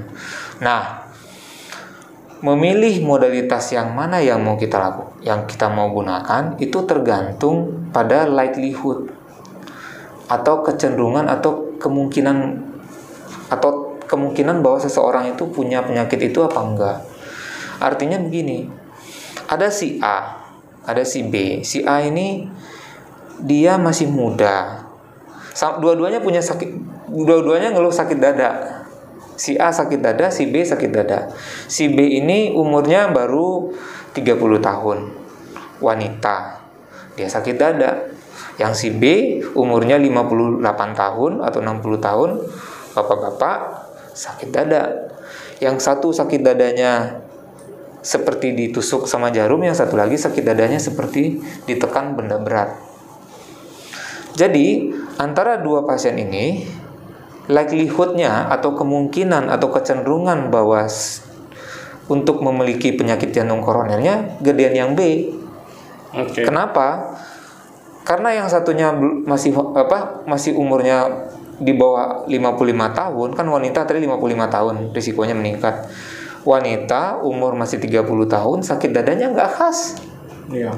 Kan sakit dadanya kan kayak ditusuk jarum, bukan seperti tertekan. Berarti likelihoodnya atau kemungkinannya ini rendah. Rendah. Sedangkan ini beda, bapaknya udah 58 tahun. Sedangkan secara usia risiko itu meningkat di atas 45 tahun. Lalu lalu kemudian ditambah lagi dengan sakit dadanya khas, seperti tertekan benda berat setiap melakukan aktivitas. Berarti ini likelihoodnya tinggi, kemungkinannya tinggi untuk punya penyakit jantung koroner. Nah, pemilihan modalitas itu berlaku di sini di dalam kita memilihnya berdasarkan karakteristik pasien ini. Oke. Dan itu tergantung tujuan kita sebetulnya. Saya sebagai dokter akan berusaha untuk membuktikan bahwa si A ini tidak punya penyakit jantung koroner karena likelihoodnya rendah. Sedangkan si B, saya ingin membuktikan bahwa dia memang punya penyakit jantung koroner. Begitu. Jadi karena apa? Karena likelihoodnya sangat tinggi. Nah, modalitas mana yang mau saya gunakan? Nah, modalitas yang akan saya gunakan untuk si A adalah alat-alat yang punya kemampuan yang sangat baik untuk mengatakan bahwa penyakitnya benar-benar nggak ada. Sedangkan alat yang digunakan untuk si, si B adalah alat-alat yang bisa membuktikan bahwa penyakitnya benar-benar ada. Hmm. Gitu kira-kira. Iya. Nah, buat si A, saya mau periksa pakai apa? Pasti saya akan lakukan rekam jantung dulu aja Yang paling sederhana. paling ya, sederhana aja ya kan Oke. paling sederhana aja kalau rekam jantungnya normal itu juga sudah cukup kadang-kadang untuk kita mengatakan bahwa ini normal-normal aja nggak berkaitan meskipun memang rekam jantung kita tahu kapas apa akurasinya tidak terlalu tinggi untuk untuk oh, kasus-kasus penyakit jantung koroner memang tidak terlalu tinggi cuman eh, di beberapa kasus kita merasa cukup untuk itu Dengan itu. Dok. Ya, tapi kalau kita nggak yakin juga pasiennya masih sakit gimana? Kita bisa lakukan yang lain. Misalnya kita lakukan treatment stress test barangkali. Ya. Kalau nggak juga cukup gimana? Kita mungkin menggunakan CT scan barangkali. Iya. Tapi beda diceritain dengan yang si pasien yang B. Pasien yang B ini karena dia sakit dadanya berulang-ulang sakit meskipun udah dikasih obat masih nggak masih masih masih ada bergejala dan kita kan logikanya semakin keluhan itu sering dirasakan pasien maka logikanya penyakitnya juga sangat apa cukup cukup kritis gitu cukup kritikal kondisinya dan kita men- menduga dengan sangat kuat bahwa ini ada suatu kondisi penyakit jantung koroner yang kritis nih yang bisa sewaktu-waktu terjadi serangan jantung Iya. kan kita beda tuh sikapnya nah untuk yang B ini barulah kita gunakan kateterisasi Oke. Jadi kateterisasi kalau dalam hierarki pemeriksaan anatomi dari pembuluh darah koroner dia paling tinggi gold standar Gold standarnya gold standar ya. tapi sayangnya tindakannya kan invasif Betul. memasukkan benda asing ke dalam tubuh. Iya. Memang dia akurasinya sangat baik. kita bisa menentukan ini ini iya, ini enggak. Tapi kata kalau tapi kita akan menggunakan alat tersebut dengan segala pertimbangan antara manfaat dan risiko. Kalau untuk yang si A, kalau kita lakukan kateterisasi, itu risikonya melebihi manfaatnya. Oke. Okay. Kenapa? Kan kita nggak curiga-curiga amat sama dia. Iya kan? Apa manfaatnya kita melakukan apa kateterisasi pada pasien yang risikonya rendah? Sementara dia harus berhadapan dengan risiko yang tinggi. Kan kateterisasi juga ada risiko-risikonya gitu. Sama lah semua semua prosedur medis itu kan pasti ada risiko-risiko. Tapi kan kita tidak melakukan atau tidak melakukan tindakan-tindakan yang berisiko tinggi sementara dia risikonya melebihi daripada manfaatnya. Beda dengan si bapak yang tadi, yang si pasien yang B. Itu risikonya lebih besar apa risikonya itu lebih kecil daripada manfaatnya karena kalau akan begitu kita lakukan angiografi atau kateterisasi lalu kita ketemukan ada penyempitan yang signifikan malah yang kritis yang berbahaya kita bisa dengan cepat mengetahui dan melakukan melakukan tindakan oke okay. kayak gitu jadi pemilihan tools untuk diagnostik itu kita sangat sangat berdasarkan bagaimana kondisi, kondisi dari, dari masing-masing pasien, pasien dan tergantung tujuan kita. Okay. Kalau pasien-pasien yang risiko rendah kita berusaha untuk mengeksklud. Apa pilihan? Ayo ini ini pilihan uh, toolsnya. Tapi kalau pasien yang risiko tinggi, apa kita akan berusaha untuk membuktikan. Karena kalau nggak kita buktiin, kita berhadapan sama risiko serangan jantung. Maka pilihan alatnya adalah ABC. Itu kira-kira jawabannya. Nah, jadi tapi gini dok, um, kan kalau semisal nih ya kan informasi di internet ini kan banyak ya orang awam tuh tinggal baca lah ya tinggal searching uh, penyakit jantung tuh apa ya hmm. faktor resikonya kan kelihatan tuh semua nah pada saat ada orang nih loh dia tahu nih faktor resikonya nih ada semua nih dia lihat mungkin dari usia jenis kelamin hmm. terus hmm. ada riwayat uh, keluarga hmm. uh, punya riwayat hipertensi kolesterol merokok gitu itu tapi dia nggak punya ngerasa nggak punya gejala nih loh hmm bisa nggak sih uh, uh, apa namanya misalnya dia secara pribadi ya datang nih ke dokter David nah, dia dok saya bisa nggak sih dok saya di angiografi aja untuk ya. deteksi dini gitu anggapannya. Ya, itu boleh nggak sih dok seperti itu? Iya, itu sebenarnya itu sebenarnya sangat sangat sangat sangat sangat disarankan. Makanya saya di beberapa kesempatan misalnya ada penyuluhan atau ada talk show atau ada diskusi interaktif itu selalu berbicara tentang dua hal. Satu rasa, yang kedua potensi diri. Kalau rasa yang kayak tadi itu saya jelasin tentang gimana sih keluhannya kalau orang berkait apa nyeri dada yang berkaitan dengan proses di pembuluh darah koroner yang terganggu atau penyakit jantung koroner gitu maksudnya. Apa sih rasanya? Gimana sih karakteristik rasanya? Yang kedua, saya selalu bicara tentang potensi diri. Potensi diri itu melihat diri kita sebetulnya kita ini punya faktor risiko apa kita ini sebetulnya dalam berisiko nggak sih gitu? Nah bagi orang-orang atau teman uh, masyarakat sobat-sobat RSPB yang senang membaca atau punya curiosity ya punya keingintahuan yang yang baik ya untuk melihat diri ini kan bisa melihat potensi ya. Kalau kemarin kalau nggak salah ada saudara yang meninggal tapi nggak tahu penyebabnya apa. Kan kita mikirnya jangan-jangan serangan jantung. Iya. Nah kalau ada yang mikir seperti itu kan wah jangan-jangan saya juga berisiko nih gitu kan? Karena itu masuk dalam faktor risiko keluarga. Perasaan orang tua saya hipertensi deh. Dan saya beberapa kali medical check up tensinya tinggi terus. Nah kayak gitu. Nah kalau memang kita merasa memang ada uh, apa namanya uh, beberapa faktor risiko sebenarnya itu ada toolsnya kalkulatornya, kalkulator faktor risiko. Ada yang namanya Framingham, ada yang namanya score, ada yang namanya uh, apa ACVD score, macam-macam. Ya mungkin belum familiar, familiar kan sama itu. Tapi kalau misalnya konsultasi sama dokter-dokter, uh, pokoknya sama dokter ya, pak dokter. Kadang-kadang teman-teman uh, dokter umum ada juga yang sudah bisa menghitung seperti itu kan cuma pakai kalkulator aja, yeah. ada kalkulatornya. Terus ada juga yang sama dokter dokter dokter penyakit dalam itu juga ada yang bisa. Terus oh, bisa juga sama dokter-dokter spesialis jantung itu boleh, boleh juga. Intinya sih kalau memang merasa seperti itu periksakan aja. Nanti dibantu untuk dihitung berapa faktor risikonya dapat berapa persen kemungkinan. Nanti yang akan dihitung tuh berapa persenkah kemungkinan kita mengalami penyakit jantung koroner atau penyakit jantung dan pembuluh darah di dalam kurun waktu biasanya ya ada yang 10 tahun, ada yang 30 tahun kalau kalkulator yang ada sekarang. Atau yang satu tahun ada apa enggak ya? Rasanya enggak. Yang 6 tahun, yang 10 tahun biasanya. Kalau risikonya sekian persen, kalau di atas ada yang di atas 5 persen, ada yang di atas tujuh setengah persen. Nah itu tuh betul-betul akan disarankan untuk dilakukan pemeriksaan A, B, C, D, gitu gitu. Kalau dia cuma di bawah satu persen, mungkin rekomendasinya olahraga rutin gini gini gini gini gitu. Ada kayak gitu gitu. Oke, baik dok.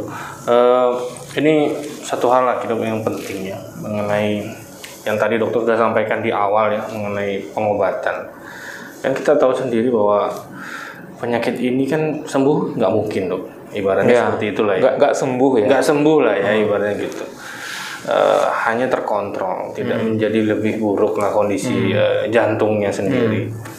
Nah untuk kasus-kasus penyakit jantung koroner sendiri dokter, biar sobat RSPB di rumah juga eh, yang sebelum yang tidak sakit ataupun yang saat ini sedang sakit menderita penyakit jantung, biar tidak bosan untuk kontrol, untuk ko- konsumsi obat gitu ya. Nah intinya kalau kasus jantung koroner ini pengobatannya seperti apa sih dok? Maksudnya apalagi sekarang kan orang dengar oh pasang ring aja deh enak tuh pasang ring gitu sembuh tuh Iya, maksudnya keluhannya bisa hilang gitu Iya, iya. kayak gitu bahkan ada yang sampai divonis eh, sudah nggak bisa lagi nih pasang ring harus di Operasi. operasi gitu kan dok nah ini yang seperti apa nih dok bedanya Iya. pengobatan untuk kasus-kasus apakah memang tergantung derajatnya atau seperti apa? Iya. Jadi kan eh, benar yang dokter Tian bilang bahwa kita tuh apa pengobatan penyakit jantung koroner ya sebenarnya pada prinsipnya semua penyakit sih. Penyakit-penyakit itu kan ada stagingnya, ada ada tahapan-tahapannya. Tahapan awal sama tahapan akhir berbe pasti beda pendekatan terapinya ya, pengobatannya. Jadi kalau seandainya pada pasien-pasien penyakit jantung koroner yang istilahnya masih terkontrol dengan obat-obatan misalnya, ya kita optimalin dulu obat-obatannya. Pasti kita optimalkan dulu. Atau orang-orang dengan masih dengan faktor risiko yang tinggi gitu, ya di- udah dihitung pakai kalkulator Framingham misalnya, ternyata dia risikonya 5%. Ada kemungkinan dia punya penyakit dalam 10 tahun ke depan. Maka dia harus ngapain? Ya dia harus melakukan modifikasi gaya hidup, modifikasi isi, isi konten makanan, olahraga, ya kan? Terus kemudian modifikasi faktor-faktor risiko yang dia punya. Nah itu pendekatan yang awal.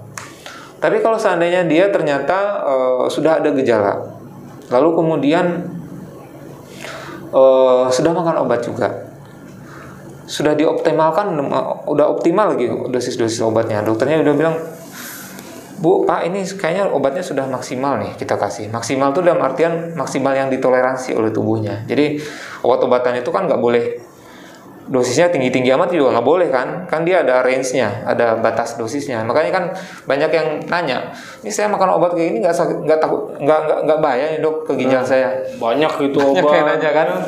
Iya sebenarnya makan makanan apa obat-obatan itu kan sudah menjalani uji klinis kan sebetulnya. Dan dalam uji klinis itu kan sudah dicek pada dosis berapa yang ada therapeutic dosnya. Dosis terapinya itu yang betul-betul aman di dosis berapa maksimal yang bisa ditolerir. Betul. dan pada batas berapa dosis berapa dia baru meng- menghasilkan efek samping. Sepanjang kita tidak melewati batas itu sih harusnya kan nggak ada masalah ya kan nah tapi kalau kata menurut dokternya ibu ini kita sudah sampai di tahap di mana dosis obatnya udah maksimal nggak bisa lagi kita naikin karena ber- dengan berbagai macam pertimbangan nah dalam konteks ini kita atau orangnya mengalami serangan jantung Nah, itu beda tuh. Maka akan direkomendasikan untuk kita lihat seperti tadi. Kita lihat pembuluh darahnya, kita angiografi. Ya. Nah, angiografi atau kateterisasi atau teropong pembuluh darah koroner itu adalah proses diagnosis. Karena kadang ada juga loh pasien-pasien yang menganggap itu terapi. Terapi betul dok. Baru diteropong tapi badannya udah lebih enak. Iya. Kenapa dok ya? Mungkin psikisnya apa Psikisnya ya? ya, karena merasa Merasa udah plaknya hancur tuh dok? Enggak juga ya dok? Enggak, enggak, enggak. Dia kan kita kalau kalau angiografi atau teropong itu kan cuma lihat doang, kayak kayak pemetaan doang. Oke. Cuman buat lihat aja. Jadi kita ini pembuluh darahnya sebenarnya anatominya gimana sih? Betul ada penyempitan apa enggak sih? Kan yang dijawab sama eh, kateterisasi itu pertama pembuluh darahnya atau anatominya benar apa enggak? Yang kedua ada masalah apa enggak? Masalah itu ada penyempitan atau ada penyumbatan apa enggak? Kalau memang ada penyempitan dan penyumbatan seberapa berat? Terus kemudian seberapa secara teknis kalau seandainya dilakukan pemasangan ring seberapa susah? Kalau seandainya masih di, bisa di manage dengan pemasangan stent, maka nanti keluarlah rekomendasi. Bu, di ini kita perbaiki pembuluh darahnya dengan pemasangan ring aja ya. Ya. Tapi di beberapa kondisi penyempitan tuh bukan cuma satu dua, kadang ada sembilan. Ya, betul tuh. Nah, kalau ada sembilan, nggak mungkin dipasang ring. Karena semakin banyak ring yang dipasang atau stand yang dipasang di pembuluh darah itu kan benda asing. Oke. Kalau benda asing itu kan pasti ada risiko Tetap untuk ya, inflamasi, dok, ya? risiko untuk menyempit kembali. Jadi intinya sih penanganan-penanganan itu tergantung dari penyakitnya dan tergantung seberapa kompleks penyakitnya. Gitu. Jadi sedangkan pemasangan ring dan operasi bypass itu adalah upaya atau strategi memperbaiki pembuluh darah. Sedangkan untuk upaya melakukan evaluasi untuk pemetaan dari pembuluh darah itu namanya angiografi atau teropong. Baik dokter. Eh, kita sudah mau deket nih dok di ujung sesi obrolan kita nah, pada saat ini. Eh, mungkin terakhir ya dok, Eh, sobat RSPB di mana pun berada kan pasti eh, pengen pengen hidup lebih panjang, lebih lebih enak. Nah mungkin kita perlu tips nih dari dokter David sebagai dokter spesialis jantung. Kira-kira gimana dok kalau tipsnya orang bisa tetap makan enak? Ini klise sih dok, tetap makan enak. Eh, selama pandemi juga makin banyak orang olahraga. Tapi ada juga kan dok yang malas olahraga gitu ya. Jadi dia makan, eh, pengen makan enak, eh, aktivitas fisiknya nggak terlalu banyak, tapi jantungnya tetap sehat. Kira-kira itu memungkinkan nggak dok gitu? Nggak ada sih pilihan kayak gitu. Atau tips iya. eh, yang terbaik buat jantung tetap sehat Iya, itu seperti jadi- apa dok? Kalau yang terbaik untuk jantung tetap sehat sih artinya jantungnya belum sempat ada penyakit ya. Ya, Eh, kasihan juga sih kita kalau memberikan tips untuk orang yang jantungnya belum sakit doang ya. iya, Jadi paling benar tuh mungkin untuk menjaga jantungnya tetap aman, terus kemudian tetap Sama. produktif mungkin ya dok ya. Nah, jadi saya tuh kalau tetap produktif. Jadi kalau gitu ya. ketemu pasien di, di, di kalau misalnya kita ketemu sama pasien di di di di, di rawat jalan barangkali atau di apa? Eh, di rawat jalan sih biasanya. ya. Pertanyaan itu pasti pertanyaan pertama itu gimana kondisi badan. Yang kedua ada batasan nggak aktivitas. Yang ketiga ada batasan nggak kalau makan dan minum. Iya, Yang keempat ada kendala nggak kalau tidur. Ini kan kualitas hidup. betul. Pasti pertanyaannya empat ini. Kalau dia kalau sepanjang dia tidak ada batasan untuk melakukan aktivitas, dia pengen ngapain terserah dia, dia mau lakukan dan dia bisa lakukan, berarti nggak ada limitasi pada aktivitas fisik. Ada mata, ada ada batasan nggak kalau untuk makan? Nggak ada, saya makan ada selera aja, aman-aman aja, bagus juga. Minum gimana? Nggak ada masalah. Saya minum agak banyak atau sedikit nggak ada sesak nafas. Kalau misalnya tidur, saya aman-aman aja, aman-aman aja tidur. Saya nggak pernah terbangun tidur gara-gara sesak nafas nggak pernah. Karena ada juga kalau pasien-pasien yang gagal jantung, dia tidur 2 3 jam 4 jam, tiba-tiba sesak nafas kebangun, Kebangun. kayak orang kehabisan napas. Nyari-nyari udara itu ada yang kayak gitu. Jadi eh, intinya sih gimana cara menjaga jantung bisa mensupport tubuhnya menjadi tetap optimal gitu. Nah, buat orang yang punya belum punya penyakit jantung kok punya belum punya penyakit jantung selama ini yang atau yang belum diketahui punya penyakit jantung pertama harus tahu harus sering-sering baca tentang rasa kalau sakit dada itu seperti apa. Lalu kenali potensi diri. Potensi yang kita punya itu apa? Harus kenali. Kalau misalnya kita udah kenali kita bisa melakukan manajemen terhadap masalah jadi kalau misalnya kita obes kita harus ngapain oke okay. kalau misalnya kita merokok kita harus ngapain kalau misalnya kita punya hipertensi, kita gimana? Kalau kalau kayak kayak kayak apa ya kayak rekomendasi ya harus olahraga Intinya harus, harus makan yang ya. bergizi ya. harus makan itu kan maksud saya itu bukan salah tapi kan itu too absurd gitu maksudnya terlalu terlalu luas gitu yeah. Hidup sehat ya makan yang bergizi ya semua orang juga pengen gitu kan tapi kan nggak semua orang ternyata bisa mengusahakan itu kan karena lalu kemudian pada akhirnya yang paling penting kenali dulu kita ini potensi kita untuk mengalami penyakit itu seberapa besar sih gitu apa aja yang kita punya kita punya dan itu membuat upaya-upaya kita untuk melakukan sesuatu itu ada targetnya. Okay. Kalau kita misalnya punya hipertensi, kita punya target untuk mengontrol tekanan darah. Selain kita juga tetap harus berolahraga. Itu. Nah, olahraganya kalau saran dari eh, baik orang Amerika atau orang Eropa kalau untuk olahraga atau physical activity sih sarannya minimal 150 menit per minggu olahraga ya olahraganya tuh olahraga jantung ya olahraga kardio olahraga yang gerakannya membosankan kayak jar kayak jogging lari sepeda statis mau berenang. Intinya sih gerakan-gerakan olah, olahraga dengan gerakan-gerakan yang monoton gerakannya reguler. Seperti itu. Jadi intinya um, pasien atau orang-orang yang belum terkena penyakit jantung harus tahu dulu dok ya dengan kondisi iya dia kita harus tahu betul. Gitu ya. uh. jadi kalau dia tahu resikonya itu yang dia kelola dulu ya kita dok, harus kelola. Seperti jadi itu ya. kita misalnya mau lakukan ya kita mau makanan bergizi nih iya tapi apakah di antara semua makanan bergizi itu harus ada yang kita secara spesifik kita harus tambahkan atau kita kurangi enggak? Iya. Iya kan? Iya. Ya kalau dia nggak ada problem kolesterol mungkin nggak apa-apa dok. Karena masalah. berlemak. Orang gitu. diabetes dia makan bergizi juga, tapi kalau dia kandungan gulanya terlalu tinggi kan nggak boleh juga. Betul. Baik itu. Intinya sih kenali diri kita. Kita ini punya modal apa? Lalu kemudian nanti kita harus konsultasikan sama yang yang ahli. Itu. Baik dokter David, uh, mungkin kita sudah uh, di ujung sesi kita. Uh, terima kasih sudah bersedia hadir di studio podcast ininya RSPB. Untuk sobat RSPB di mana pun berada, mungkin uh, kita akhiri sesi ngobrol-ngobrol tentang uh, seputar penyakit jantung ya dengan dokter uh, David Almedi. Uh, ke depan kita akan share lagi mengenai topik-topik kesehatan yang lainnya dengan narasumber yang berbeda, mungkin dengan host juga yang, berbeda.